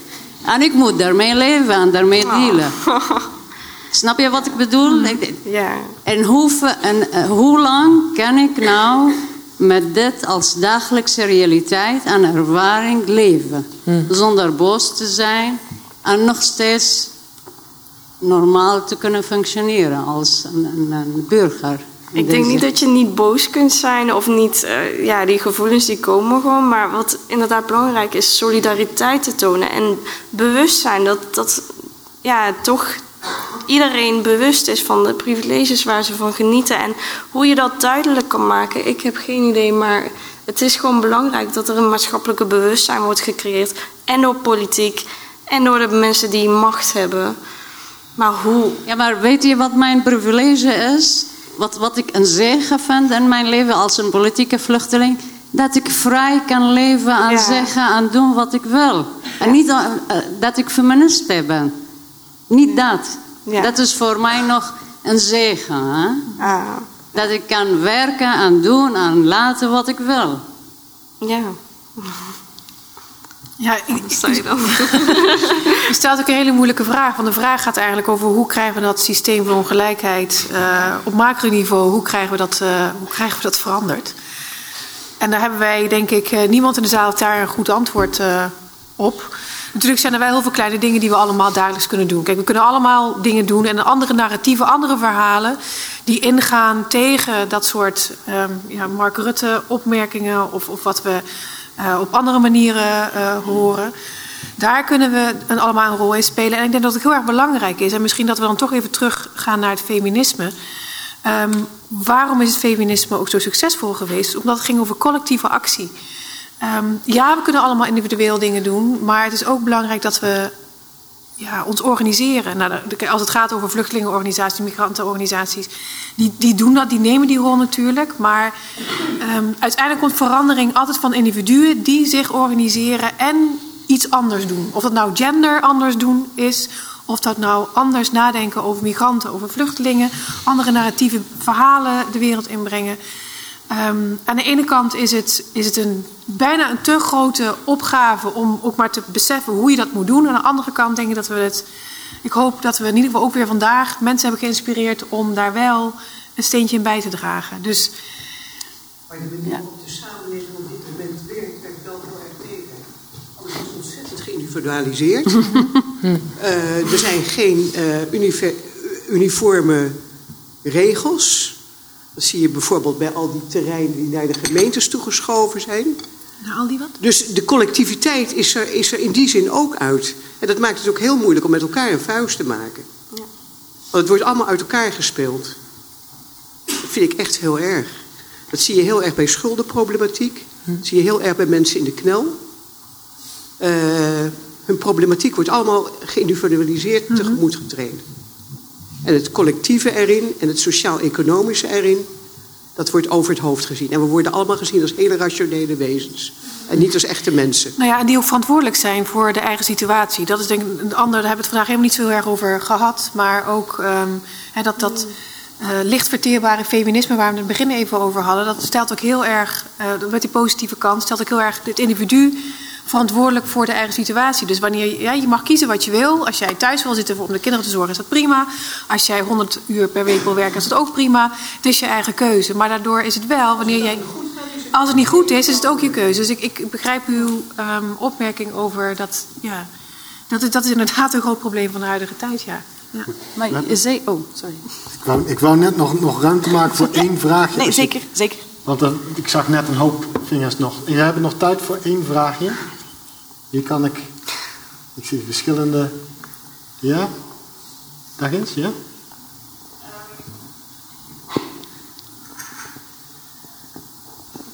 Dankjewel. Um, wel een beetje rebels, want het is misschien niet zo heel erg een vraag. Um, maar ik, was, uh, ik zou mezelf omschrijven als feminist. Uh, wat ik in dit verhaal uh, heel de avond eigenlijk een beetje mis... Uh, is ook wel... Ja, we hebben het heel erg over de empowerment van vrouwen... en heel erg over de rechten van vrouwen. Maar ik mis heel de empowerment en de rechten van mannen in het hele verhaal. Want het hangt heel erg met elkaar samen. En dit zie je vooral ook wel heel erg als het gaat over de zorgtaak van de vrouwen. En daar willen we eigenlijk een beetje van af. En het moet ook meer van mannen zijn... Um, maar op dit moment worden mannen eigenlijk helemaal niet zo gewaardeerd in hun zorgtaak. En dat zie je ook heel, gewoon heel concreet met het ouderschapsverlof, wat er amper voor mannen is. Um, en ik, vind, ja, ik, vind, ik mis dat een beetje deze avond. ik denk dat het, ja, het mes snijdt aan twee kanten in dit geval. Ah, ja, je moet lachen. Vertel waarom. ik, ik zit redelijk vaak in discussies over seksisme, racisme en uitsluiting en, en het gaat, zeker als het over seksisme komt er altijd van en wat met de mannen. En, en, en ik ben bezorgd voor de mannen. En dus eigenlijk had ik gezegd van we moeten dit vraag verwachten. En we zeiden van nee, we laten zien wat er gebeurt. Dus eigenlijk vind ik het van ja, kunnen we... Zo, voor, zo vaak is het gewoon een hele avond onbewust alleen over mannen. En, en niemand komt op het einde en zegt van, laat ons even denken over de vrouw. Dus eigenlijk misschien heb ik het zo van, nee, misschien moeten we gewoon daar niet focussen. En misschien ja, is het minder belangrijk vanavond. Maar dat is ook waarom ik zou lachen. Maar het is, niet, uh, het is niet dat het niet belangrijk is. En ik heb het wel benoemd. Ik vind het belangrijk dat iedereen, vrouw, man, x, zich benoemt als feminist, precies omdat het moet niet een individueel, het moet een collectief strijd. En je we moeten eigenlijk een steentje. Ik zou zeggen, letterlijk, echt een steentje, want we moeten eigenlijk vechten. Het is een strijd. Het zal niet gebeuren als we gewoon zitten lekker in een stoel. Dat zal niet gebeuren. We moeten echt samen op straat en vechten, want anders is er geen verandering. Maar de focus mag gewoon niet echt op, ja, wat met de man. De focus is hier, ja, op een ander wil, moet je toch daar een balans in vinden. Niet mannen afschrikken. Ja, en ook als je de vrouw de kans moet geven om de empowerment te pakken, moet het van twee kanten komen. Dus moet die man de ruimte krijgen om empowerment ook zeg maar, te pakken voor het opvoeding, zodat het inderdaad samen kan. Want nu is er nog gewoon financieel weinig mogelijk omdat het vaderschapsverlof bijvoorbeeld is. Dus dan. Het, het, wordt natuurlijk wel heel. Jullie maken me wel heel moeilijk om als man nu in te gaan. Uh, in deze discussie. Maar we moeten wel langzaam naar een einde toe. Sorry. wil jij daar nog iets kort op, op reageren? Oeh, als een soort afsluiter? Mm -hmm. Oh. Uh, twee dingen. Twee dingen. Natuurlijk, we hebben het net over intersectionaliteit gehad. Dus um, ook als het gaat, als we, als we het hebben over mannen en mannelijkheid, is niet dat de mannen altijd alleen maar de privileges hebben. Ze hebben meestal de privileges, het feit dat ze man zijn, maar ze kunnen ook op andere sociale identiteiten niet diezelfde privileges hebben. Dus natuurlijk gaat het als het gaat over ongelijkheid in de samenleving ook over mannen. Als het gaat over hoe krijgen we dit feministische project, hoe krijgen we gendergelijkheid, um, dan kunnen we dat natuurlijk niet zonder mannen. Logisch, ik hetzelfde als, uh, we hebben het ook even over Anusha Nzume's uh, boek gehad. Um, um, daar, daar ook wordt heel duidelijk gezegd, als het gaat over racisme, dan kunnen we dat niet oplossen zonder witte mensen. Zeg maar. Dus natuurlijk heb je elkaar nodig om daar, om daar een, een stap verder in te, te doen. Maar we moeten ook ophouden om inderdaad, wanneer we een keer het hebben over de ongelijkheid van vrouwen, om dan altijd. Hè, laten we het, het mag ook best eens over vrouwen gaan.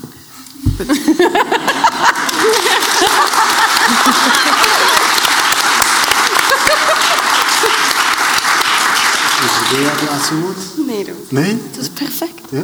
Perfect. Prima.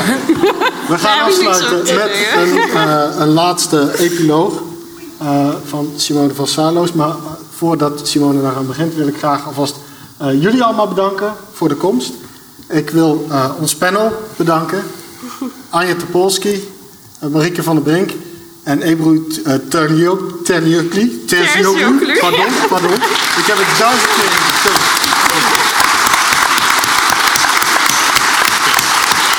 Uh, de spelers Eva Marie de Waal, um, Simone van Saloos en Britte Lacher. En uh, Simone, mag ik je uitnodigen voor een laatste evenement? Ik heb jou nodig. Oké, oké, oké, oké. Goed, mijn stem. Ehm, de, de toekomst. Ehm, Oké, nou, eh, genderstudies op middelbare scholen. Ehm, hij, zij en het. Dat dat ook kan. En een, een quotum. Ik, ik vind het gewoon toch een goed idee.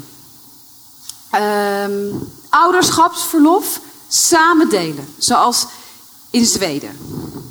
En vrijheid. Nee, dit klinkt ook weer zo slap. Oké, hoerenlopers straffen in plaats van de prostituees. Geen uh, genitale verminking meer van vrouwen. Of geen, geen geweld meer tegen vrouwen. Gewoon helemaal niet. Niet. niet. Sorry, ik zie het niet. Misschien moet je je handen voor je ogen weghalen.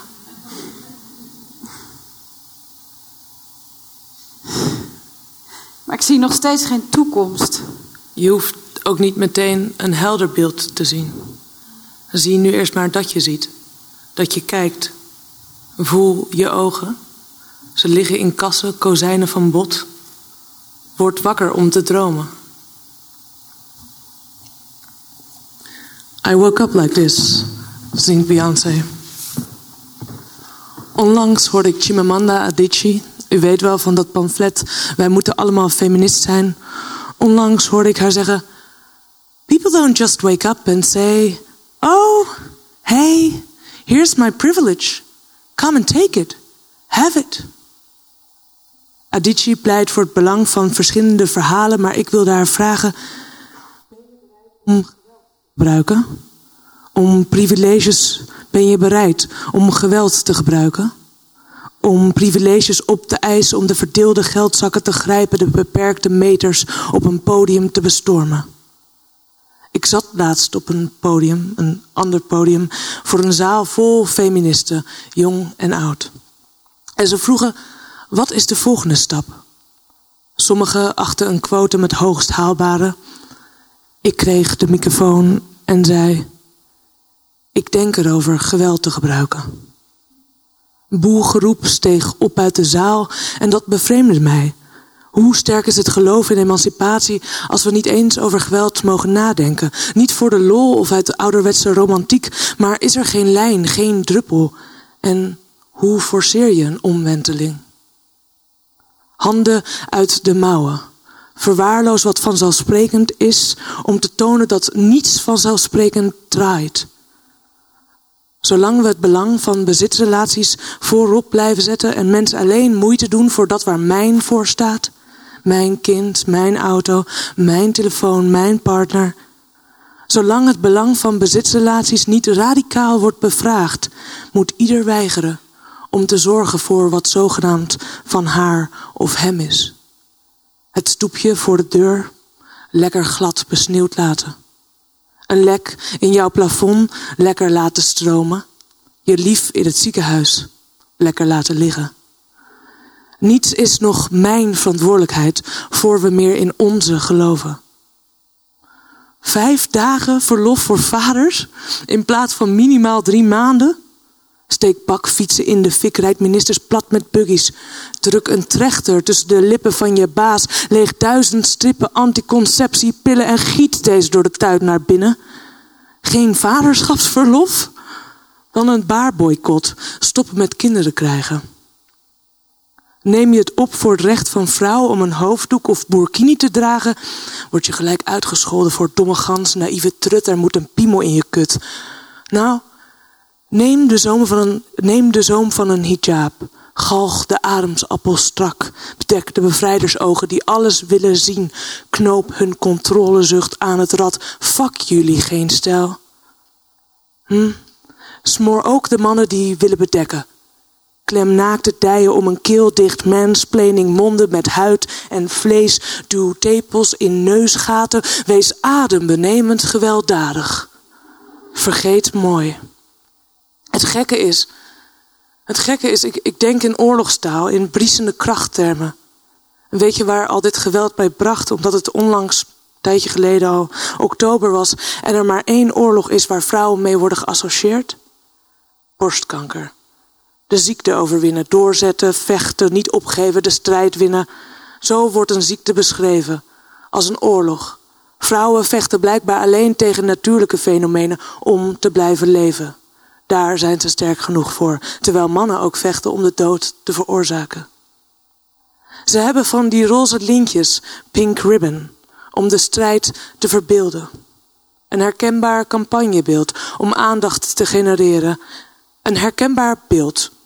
Aan de vergadertafel zitten nauwelijks vrouwen en alleen maar witte mensen. De directeur zocht in zijn sollicitanten een herkenbaar beeld. Op het nieuws wordt een uitgemergeld kind getoond. Alle ongelukken lijken op elkaar, de gelukkig nog meer. Check de lach in een reclame, een herkenbaar beeld. Aan de talkshowtafel schuift een soundbite gast aan met een herkenbaar verhaal. Verwarring is geen 120 seconden item. Maar misschien moet het verlangen naar een helder beeld gewoon autoriteit verliezen. Is een helder beeld de bron van ongelijkheid? Is een helder beeld de bron van vrouw-man onderscheid? Ja, ik wil een betere wereld. Ja, dat wil ik ja. Maar vraag mij niet die dicht te scheppen. De wereld willen redden met een helder beeld is zinloos, is altijd achterlopen, zoals het verbeteren van een rups belachelijk is, omdat hij toch nog vlinder wordt. Dus verwoest heldere beelden. Vermorzel en verscheur ze tot onmogelijke puzzels, maar schuilt het nieuwe wel in het destructieve? Ik weet niet of het mogelijk is om dit met droge ogen te zeggen op een punt in de geschiedenis dat mensen hun leven wagen om destructie te ontsnappen. I'm talking Middellandse zeegraf hier. De aankomst van vluchtelingen eist, we moeten oefenen in toevoegen, niet in vernietigen of schrappen. De ontwikkeling van technologie eist, we moeten oefenen in toevoegen, niet in vernietigen of schrappen. We kunnen niet naar minder, minder. We kunnen niet terug naar great again, naar authentiek, naar oorspronkelijk, natuurlijk of ooit. Het ooit dat je in je hoofd hebt is geschiedenis, geen werkelijkheid. Het zijn zuiver gewassen extracte, vrolijke neonzinnen die hun context achterlieten en een valse eenheid suggereren.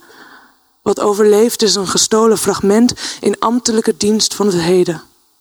Verlang niet naar wat was vanwege verwarring over de toekomst. Ik had hier vanavond geweren willen uitdelen. Zodat ieder hier haar zijn ogen zou kunnen afschieten. Voor een kleurrijke visie, geëxplodeerde kijkers voor een wijdverspreide blik, molesteren en creëren, kapotspatten en kleuren en, en kleuren. Maar wegschieten lijkt op ejaculeren, holy am een mannenmove en vuren is de aandacht verleggen. Aandacht is het grootste geweld waar je een ander mee kunt verrassen. Dat je kunt eisen van jezelf in vlucht. Aandacht is het zachte mes dat alle dingen openrijten kan. Hele kan eveneens. De aandacht verleggen maakt de werkelijkheid anders. Waar je je ogen richt bepaalt alles. Zweer het moeizaam artificiële niet af. Wie met roken wil stoppen, schijnt zeven seconden te moeten wachten voor het snakken naar een sigaret verdwijnt. Wie een nieuwe wereld wil, moet elk moment aangrijpen, circa zeven seconden toevoegen, herformuleren, opschudden, om niet zomaar te zwichten voor ingesleten patronen en kunsten en een ontstijgend verlangen te creëren om wat niet is te verbeelden. We hadden bedacht dat ik hier vanavond het heden vertegenwoordig. Maar het heden is natuurlijk meer dan het nu het heden is natuurlijk ook meteen de toekomst, of althans de enige werkelijke schakel tot de toekomst. Tegenwoordig lijkt het heden vooral een hint naar het verleden. Ga maar na. Als mensen vragen wie je bent, dan put je uit het verleden en een beetje uit het heden. Je naam bepaalt in het verleden, je achtergrond en afkomst het verleden. Je leeftijd het heden plus een verwijzing naar wat al is geweest. Je werk het heden en het verleden. De vervolgvraag hoe je daar zo gekomen bent.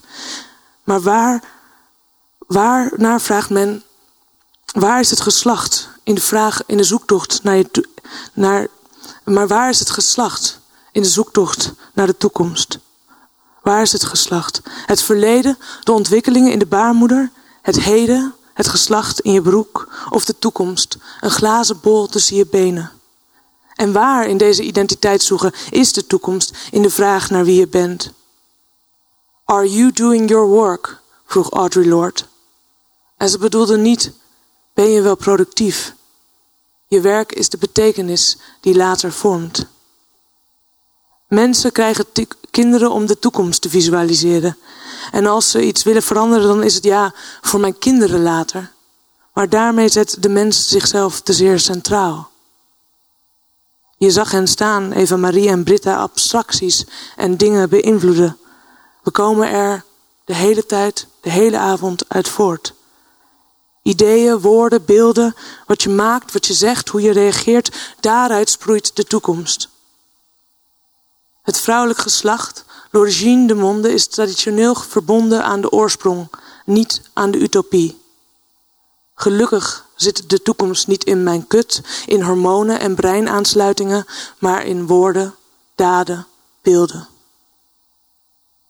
Een tijdje geleden ging ik mee graffiti spuiten met een vriendin die moeder is en in een Phoenixwijk woont. We spoten op de muren van een kinderdagverblijf. Hans wil een grietje zijn.